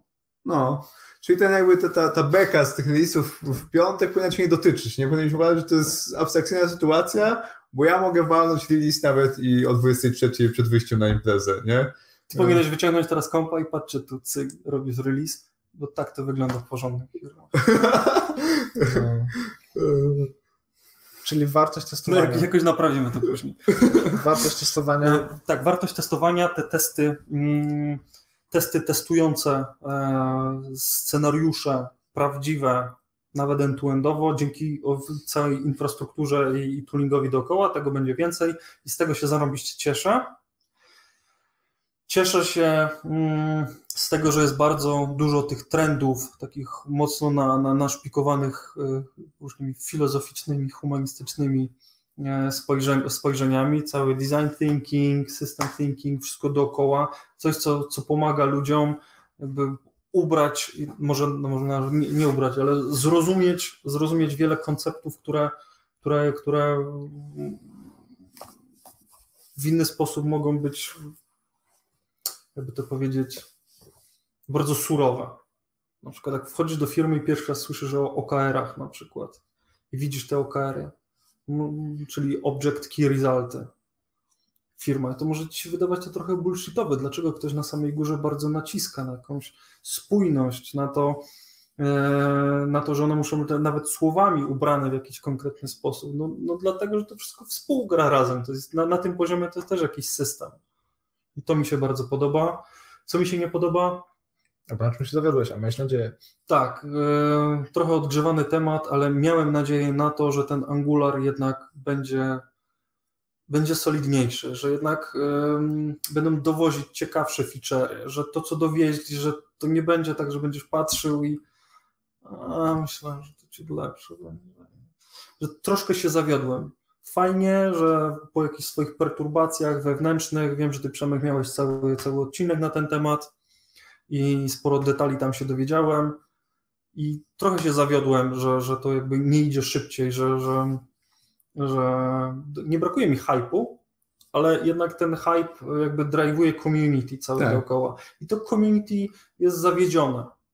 Ale widać, że oni stracili takie momentum, taki pęd po prostu. Tak, to jakby tak. niezależnie od feature'ów widać, że po prostu to jest, tam jest jakiś taki etap nie wiem jak to nazwać, takiej reorganizacji, gdzie oni sami się muszą zdefiniować troszkę na nowo, muszą sobie poradzić z tym, że jednak zostali w tych blokach, tak, że, że to jest to dalej ta jedna mm -hmm. piąta Reacta. -hmm. No widać to, nie? Co, co, co by nie mówisz. Po prostu Jakby ktoś mi zadał pytanie na przykład na, na wstępie, jakiego frameworka się uczyć, z, z całą pewnością pewnie nie mógłbym powiedzieć jednego i pewnie w zależności też od kontekstu byłaby odpowiedź, ale bardzo prawdopodobne jest, że to nie byłby Angular i nie byłby na, nawet na, na, na drugim miejscu. Ouch. Ja gdzieś tam przyszedłem z tego świata reaktowego.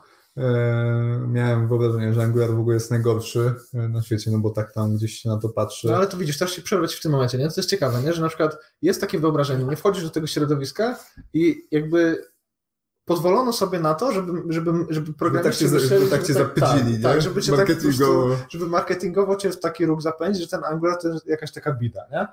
Znaczy, tej, bidy, tej bidy nie ma. Tej bidy nie ma, ogólnie nie to jest to jest nudne, ale strasznie skuteczne i kompletne narzędzie, jakby nie patrzeć. Nie? nie ma fajerwerków, ale jest dobra dokumentacja, są dobre paterny, jakby dużo łatwiej wejść w świat Angulara niż świat Reacta. No to ciekawe, bo na przykład wydaje mi się, że dużo większość, dużo, wie, duża większość, bo większość postów powie ci, że ten. Że jest dokładnie na odwrót. Dokładnie na odwrót nie? Że ja też to wierzyłem, jest... ale skonfrontując z rzeczywistością, to zdecydowanie Kosmici nie. istnieją jednak. Kosmici istnieją, naprawdę.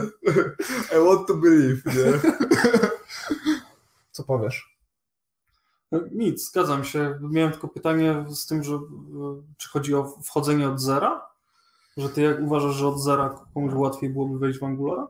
niż w Reacta? To ja szybko powiem, że tak, tak, tak, się, tak się czyta, że próg wejścia jest dużo większy w Angularze, jakby API i taki cały, taka powierzchnia do Nie, nie, nie, no tak, tak, tak. Ja miałem nie? wrażenie, że on powiedział odwrotnie. Nie. Że próg, znaczy mówi się, że próg wejścia do Angulara jest Tak. dużo wyższy. Tak. Uważam się, że w praktyce wcale tak nie jest. Tak.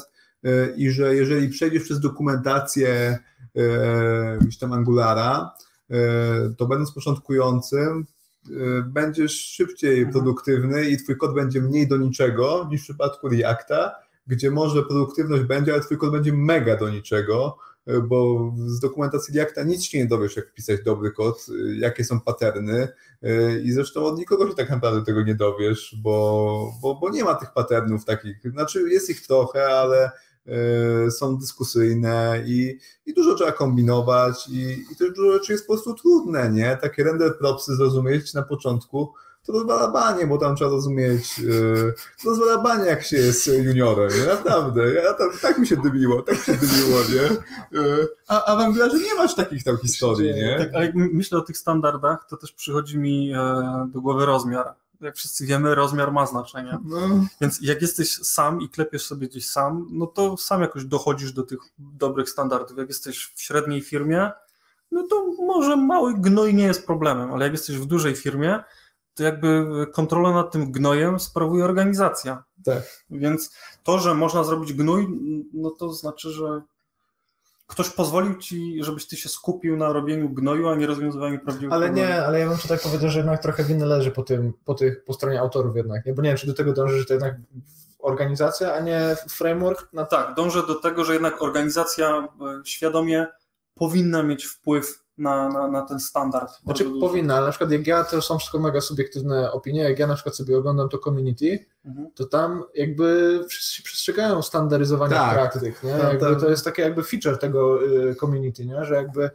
Że nie ma standardów. w sensie, nie? że będziemy robić inaczej i odkrywamy lepsze techniki i jakby Taka wolna amerykanka. przymykamy oczy na to, że po prostu to, co było standardem, no to już jest takie, już jest nieoptymalne. No, ja, na- ja najbardziej to widzę, no, będę o tym mówił jeszcze długo, dopóki ktoś mi tutaj nie pomoże zmienić zdania. Po, po, po prezentacji Dana Abramowa sprzed dwóch lat, kiedy on tam wychodzi na scenę i mówi, że słuchajcie, klasy w JavaScriptie są do dupy, ludzie nie rozumieją dys, więc wprowadzimy hooki. Nie? Po czym przez dwa lata widzisz posty ludzi, którzy tam, jak pisać te hooki, Use, use effect tam tak, i, i po prostu i oglądasz, wiesz, że klasy były w programowaniu od kilkunastu, kilkudziesięciu lat, nie? Wszystko, cała, cała, całe dziedzictwo języków obiektowych to były klasy i ja nie mówię o implementacji, bo zaimplementowane to może być trochę inaczej, ale jakby ten koncept był, nie? Taki, Tak. ten core był, że idziesz na te studia, uczysz się tej Javy, masz te klasy, mniej więcej rozumiesz o co chodzi, że tam tworzysz instancję danej klasy Mhm. no i teraz wychodzi ktoś na scenę i mówi, programiści nie rozumieją klas, jakby, nie? Tak. Nie rozumieją dysa, co może być częścią Ale, ale, ale miksiny muszą rozumieć. Ale nie? tak, ale, ale zrobimy hooki, bo w, w hookach jest prosto, no nie? Jest, jest prościej. Nie? To po prostu dla mnie jest takie jakby. Ale wiesz, że problematykę DISa możesz, z, z, nie wiem, załatać dobrym, dobrą konfiguracją AS-Linta. Może. No może- u siebie w apce. No i możesz. Nagle okazuje się, że ktoś Albo- nie popełni tego błędu. No, albo kto trzyma artykułem niż ten, który Tłumaczy jest potrzebny use, use effect, nie? No bo ogólnie tak naprawdę jest to, że hooki tam są dość proste. Jeden jest to taki wbudowany use effect, który rozwala ludziom Ale na banie. przykład dla mnie, dla mnie osoby, która była przyzwyczajona do tego klasycznego modelu, że masz metody do No. cyklu życia. Tak, no to właśnie use effect Y- to następuje, nie? Tak, no to teraz masz, masz po prostu render, albo masz functional component, function component i w środku sobie definiujesz, i ja sobie mogę te hooki zdefiniować, tylko Możesz. mam dodatkowy narzut z- związany z tym, że muszę się dowiedzieć, kiedy to się w ogóle wywoła, nie? No tak, musisz te dependencje podać i wtedy one się Tak. renderują, kiedy te dependencje się zmienia. nie? To wydaje mi się, że to jest sprzeczne z tym, jak działało na przykład, wiesz, component did mount, component will mount, No tak. probes will change i tak dalej, te wszystkie tam historie. Dużo, dużo więcej musisz to skminić, jeżeli sam tym zarządzasz, nie? Ja przeczytałem taki długi y, artykuł Dana Abramowa, gdzie on to effect rozwalił po prostu do, do cna, 45 minut czytania i wymiatasz, nie? Tylko no tak widać, że w internecie mało kto do tego artykułu dotarł i ludzie naprawdę mają problem, nie?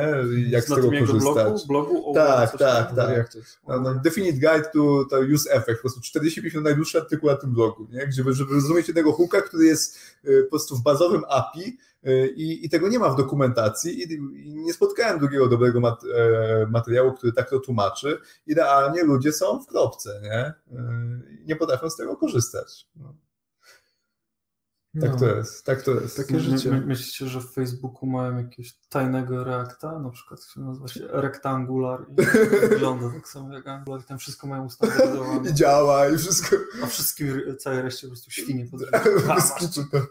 Nie no, myślę, że tak jak mówisz po prostu... Ile my dzisiaj tajemnic tutaj od, tak. odpowiadamy, opowiadamy... Myślę, że to jest tak, jak Wiktor powiedziałeś, że po prostu dobre firmy zarządzają tym problemem w sposób świadomy, tworzą jakieś e, własne guideliny. Czy to jest ewolucja firmy, bo w pewnym momencie firma zaczyna zauważać, że zjada swój ogon, albo właśnie complexity waste jest tak duży, że ktoś, myśli, ktoś zaczyna o tym myśleć. Tak, i rozwiązuje ten problem, ale myślę, że dużo startupów e, dostaje w pierdol, e, korzystając z Reacta, bo mają syfny kod, który potem ciężko utrzymać, ludzie się zmieniają, odchodzą, ktoś przychodzi i mówi, mhm. co tu się dzieje, nie? W sensie, y, a, a w takim Angularze no, działoby się mniej więcej to samo, co w dokumentacji, nie? Bo wszyscy piszą ten kod bardzo podobnie. No. no. No ja teraz... różni... o, no. Czy mówię, że różnice mogą być na jakichś wyższych poziomach tak. architektury, gdzieś jak stora przygotujesz, jak on będzie wyglądał, co Jasne. to będzie za store, czy będziesz miał jakieś fasady, nie wiem, podziały komponentów. Ale w, znaczy w Angularze też jest, też na przykład jak się wejdzie na poziom Ja mówię jakiejś... w Angularze właśnie. No, no, no, to chciałem jakby uzupełnić, jak się w Angularze wejdzie na przykład do tematu jakichś y, template childrenów i tak dalej, view childów i tak dalej, tam też się grubo rzeczy tam, tam, tam, to, to jest akurat na przykład, to jest taki cięższy I na przykład odwołać się, odwołać się do referencji w template, no, no, no so easy. No so easy, nie? Znaczy, tu też mi czacha dymiła lekko. Jak nie wiem, czy widziałeś, Dima u nas napisał taki e, generator dashboardów. Taki no, no, dashboard tak, tak, no to tak. tam jest właśnie taki, taki menadżer, który buduje takie całe panele analityczne. No i tam są te paterny, no i ten kod nie jest trywialny. Patrz, no, musisz znać BBH Angulara, musisz być dobry z Angulara, żeby wiedzieć, wtedy jest trywialny. No. Dima dobrze tego Angulara zna i on tam pod, potrafi no, pozdrawiamy. E, tak, wycisnąć. Wierzymy, że tutaj się da. widzimy się w trakcie Zobacz, czy mamy jakieś pytanka. Jest szansa, że w przyszłości tezę. pojawi się więcej ofert pracy w Vue. Tak, 4 minuty myślę tam zostały, zrobimy sobie takie dwie godzinki. Tak. Co z tym Vue? Ja zacząłem ostatnio pracować w Vue, jest bardzo przyjemne, polecam. Jest e, łatwa ścieżka migracji takiej mindsetu z Angulara do, do Vue, myślę. Chociaż w Vue teraz się pojawiło też e, nowe API w wersji trzeciej, Reactive API. I co? I też tam, też tam jest kilka zarzutów, że powoli kopiują tego Reacta i powiedzą coś ala hooki, e, ale, ale w tej bazowej wersji całkiem przyjemnie można w tym view pisać. Czy pojawi się więcej ofert? Ciężko stwierdzić, mi się wydaje, że React już tak daleko odleciał, że już teraz przez kilka kolejnych lat to będzie dominacja. Tak, tak, bo to jakby ten merit, y, takie jakby na ile to jest dobre, to już nie ma aż takiego znaczenia, nie? Gdzieś tam tę walkę o rynek się wygrywa marketingiem dość mocno, w to, co ludzie wierzą, nie? I to już jest, jest, jest za późno, żeby trochę, wydaje mi się, konfrontować y, rzeczywistość, nie? Rynek się już podzielił i, i, i, tak to bywa, nie? Ale myślę, że możemy, możemy jakby taką jedną poradę sprzedać, to znaczy jeśli więcej jest ofert w Reakcie, to naucz się Reacta i przy okazji wzmocnij swoje skille tym, o czym tutaj dzisiaj rozmawialiśmy, nie? Tak, żeby, nie? tak zdecydowanie. Żeby to nie był taki bloker, nie? Że jak nie. podoba Ci się Vue, a nie ma tych ofert w Vue, no to, to Java jednak, mhm. albo na przykład .NET, tylko no znaczy, jest jakiś tam standard się wyklarował, tych ofert pracy w Reakcie jest tam jest od groma. 10 razy więcej. Dlatego warto się uczyć. I, i, i to jest trochę tak jakby z tym jQuery, o którym chciałeś powiedzieć, walczyć w pewnym momencie, nie? Że no, no, to, no, no też z, z, czego się, że ludzie śmieją, że o, kod w jQuery nieutrzymywalny i tak dalej trudno, nie? Ktoś po tobie będzie sprzątał za kilka lat, nie to, co gdzieś tam tym może Reakcie Mi bardziej chodziło o to, że był, był moment, gdzie był śmieszny JavaScript, ciężko go było używać, ludzie mieli problemy, ja widzę swoje posty na Stack Overflow sprzed nastu lat, gdzie pytam, jak coś zrobić w Internet Explorerze jakimś i później pojawia się Resing, pojawia się jQuery, ciach, pluginy, animacje, skaczące roboty. Pisanie kodu, nie? A nie doskonalenie tak, API. Tak, tak. To, to, to, to, to był ja mam takie wrażenie, że to był taki początek. Nowożytność. Now, nowożytność. Kropka first, kropka last. Wszystkie takie historie. Tak, tak. To było cool. A z frameworkami no spokojnie. Wy często chyba wspominacie, że jak nauczysz się jednego, to przeskok do następnego nie jest jakimś dużym kosztem. Zrób sobie timebox. Weź sobie na przykład ustal 20 godzin 20 godzin z Reactem z zegarkiem w ręku spędź z nim 20 godzin. 20 godzin z asfalta. Cyk. No, no, zobacz. Bo 20 godzin to jest chyba taki moment, w którym e, można poczuć coś. Zgadza się. Coś zbudować po prostu. No. Zbu, zbuduj, zbuduj tą słynną to-do listę, nie? E, no, albo, whatever, na co, albo na cokolwiek masz ochotę, nie? No. Whatever, no ale... Coś, albo żeby... przykład z dokumentacji. Tak, tak. Posiedzieć. Pobawić się, no. popukać, postukać, nie? Już rozmawialiśmy jeszcze o jednej... A czy mamy... Czy kończymy? Nie no, da, dalej. Okej, okay, o, o tym... O tym e... 3.30 o tym szybkim, e, wspominać o tym, że ktoś się podpisze jako Angular developer. Mhm. Co dalej? są oferty na przykład, które poszukują Angular developerów. Jeszcze, nie wiem, ze dwa lata temu bym powiedział, że to jest totalny bezsens. Mhm. A teraz wydaje mi się, że to jest oszczędność czasu. Bo ktoś, jeżeli jest skomitowany na Angulara, to jest po prostu szczery. Jest szczery z tym, czego oczekuje jako kandydat i firma też jest szczera z tym, tak. czego oczekuje. No, a ja bym tutaj nie, jeszcze, nie ma to nic złego. Ja bym tutaj jeszcze dodał, że y, rzeczywistość procesu rekrutacyjnego, a rzeczywistość firmy to są dwie inne czasami rzeczywistości. Tak. Czasami się po prostu warto przebić przez to ogłoszenie, dopasować się do tej tabelki. Często o tym gadamy, na ile warto tam się tak. odsłaniać, ale jak chodzi o dopasowanie się, to czasami albo w większości przypadków warto się dopasować, przejść ten proces, szczególnie jak gdzieś tam zaczynamy naszą przygodę z programowaniem, a powiedzmy to, w jaki sposób ty się możesz dołożyć do firmy, to się często okaże w pierwszym tygodniu, tak, w drugim nie? tygodniu albo w dziesiątym miesiącu w ogóle, nie? Więc w ósmym roku, w ósmym roku na przykład, nie? U każdego z nas to wygląda inaczej, nie? Więc jakby no, na maksa tak jest. Nie? Proces rekrutacyjny to jest proces marketingowo-sprzedażowy, nie? W dużej części. E, taka jest prawda. Czekamy na kurs, Marcin. ma, ma, bardzo, mocno, bardzo mocno stąpasz tutaj w tym rejonie. No, ale no, no, no, przecież jak działają nagłówki na LinkedIn, to jest SEO. Nie? Tak jak się pozycjonował no. stron, tak się teraz twój profil pozycjonuje. Wrzucasz sobie keywordy, które są łatwe do znalezienia przez rekruterów i po prostu o to chodzi w tym Angular Developer i React Developer, o nic innego, nie? Żeby cię pod popularnymi frazami dało mhm, się znaleźć. Dobra, tutaj jeszcze jedno jest pytanie, na które nie udzielę odpowiedzi. E, pytanie o efektywną naukę programowania. Jest e, jeden mój odcinek na, na kanale na ten temat. Jak efektywnie uczyć się programowania? Polecam. E, jestem z niego całkiem dumny. Myślę, że całą swoją mądrość na ten temat przelałem. 17 minut. 17 minut pierdolenia. Czy rynek jest jeszcze otwarty na bez doświadczenia? E, szczerze mówiąc, nie wiem, czy rynek jest otwarty na juniorów bez doświadczenia. E, jak tam, Wiktor, to wygląda? Dużo ludzi podbija z małą ilością doświadczenia do nas do filmu na przykład? Nie wiem, nie wiem, ale ja bym sobie zadał pytanie, y, poszukałbym, jak duży wysiłek trzeba włożyć, żeby z juniora bez doświadczenia stać się juniorem. Regularem. Nie, nie, nie. Z... Bez doświadczenia. Nie, nie, dalej być, dalej być, dalej być juniorem bez doświadczenia ale żeby móc zaoferować coś firmie. Tak, żeby nie być ciężarem tak, tylko tak. i wyłącznie. Portfolio? Jakieś Portfolio. To jest, kurczę, myślę, że wy macie tutaj dużo większą wiedzę, bo siedzicie w tym cały czas i jest pewnie kupę elementów, które można wykonać, kupę kroków, które no, pewnie ciut więcej kosztują niż, nie wiem, godzinka w CSA no. kolejny Netflix, ale, ale, ale też nie są jakimś wielkim, wielkim obciążeniem. No. Myślę, że w obecnym czasie jest tyle materiałów w sieci, że można naprawdę na luźnym jambalaju przejechać sobie, dowiedzieć się tyle, dowiedzieć się ile się nie wie. Jasne, jasne. I umieć o tym mówić. Tak. E, moim zdaniem jeden fajny projekt plus blog, e, gdzie opisujesz jak ten projekt powstał, czego się uczysz, czego jeszcze nie wiesz, a czy chcesz się dowiedzieć i jesteś po prostu nie jednym ze stu, tylko jednym na sto. No, e, więc, więc e, polecam takie podejście. Ostatnie pytanie i zawijamy tę imprezę. Ja tutaj jeszcze jednej, o jednej rzeczy powiem. Jak chcecie więcej Wiktora, to łapki w górę, piszcie komentarze. Może zrobimy jakiś program cotygodniowy tak, tak. z Wiktorem o frontendzie.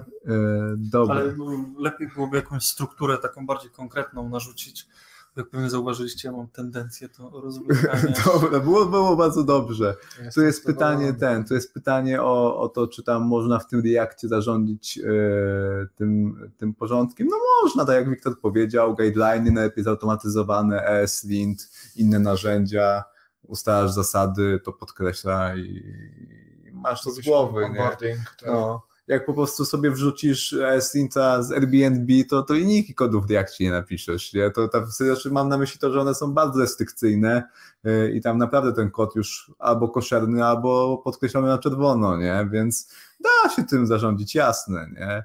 Yy, tylko, tylko szkoda, że jakoś nie ma tej odpowiedzialności ze strony twórców niby świadomie tej odpowiedzialności nie ponoszą, ale trochę tego nie kupuję, szczerze mówiąc, bo gdzieś tam w praktyce moim zdaniem e, to to nie wychodzi aż tak dobrze, nie? No ale trudno. Kto wie, może mm, jakby e, mam bias. Dobra, dzięki wielkie, że byliście z nami przez całą transmisję. Z tego co widziałem, ponad 60 osób słuchało, co mamy do powiedzenia. Także myślę, że szybko jakiegoś tysiaczka wbije ta rozmowa. Polecamy, tak. polecamy się, polecamy kolejne rozmowy. To było tak naprawdę otwarcie roku na przeprogramowanych. Tak. Jeżeli chodzi o live, to tak. Pierwsza rozmowa z gościem, Wiktor, mega dzięki, że wpadłeś. Mega przyjemnie się tego słuchało. Wymyślimy jakąś ramówkę i wiesz, stóweczka na boku. Zawsze się przyda, nie? No, mogę wam płacić. Dzięki wielkie. Stóweczka to ciut więcej. No. Dobra. Było bardzo, bardzo Trzymajcie się, siemano. Pozdro.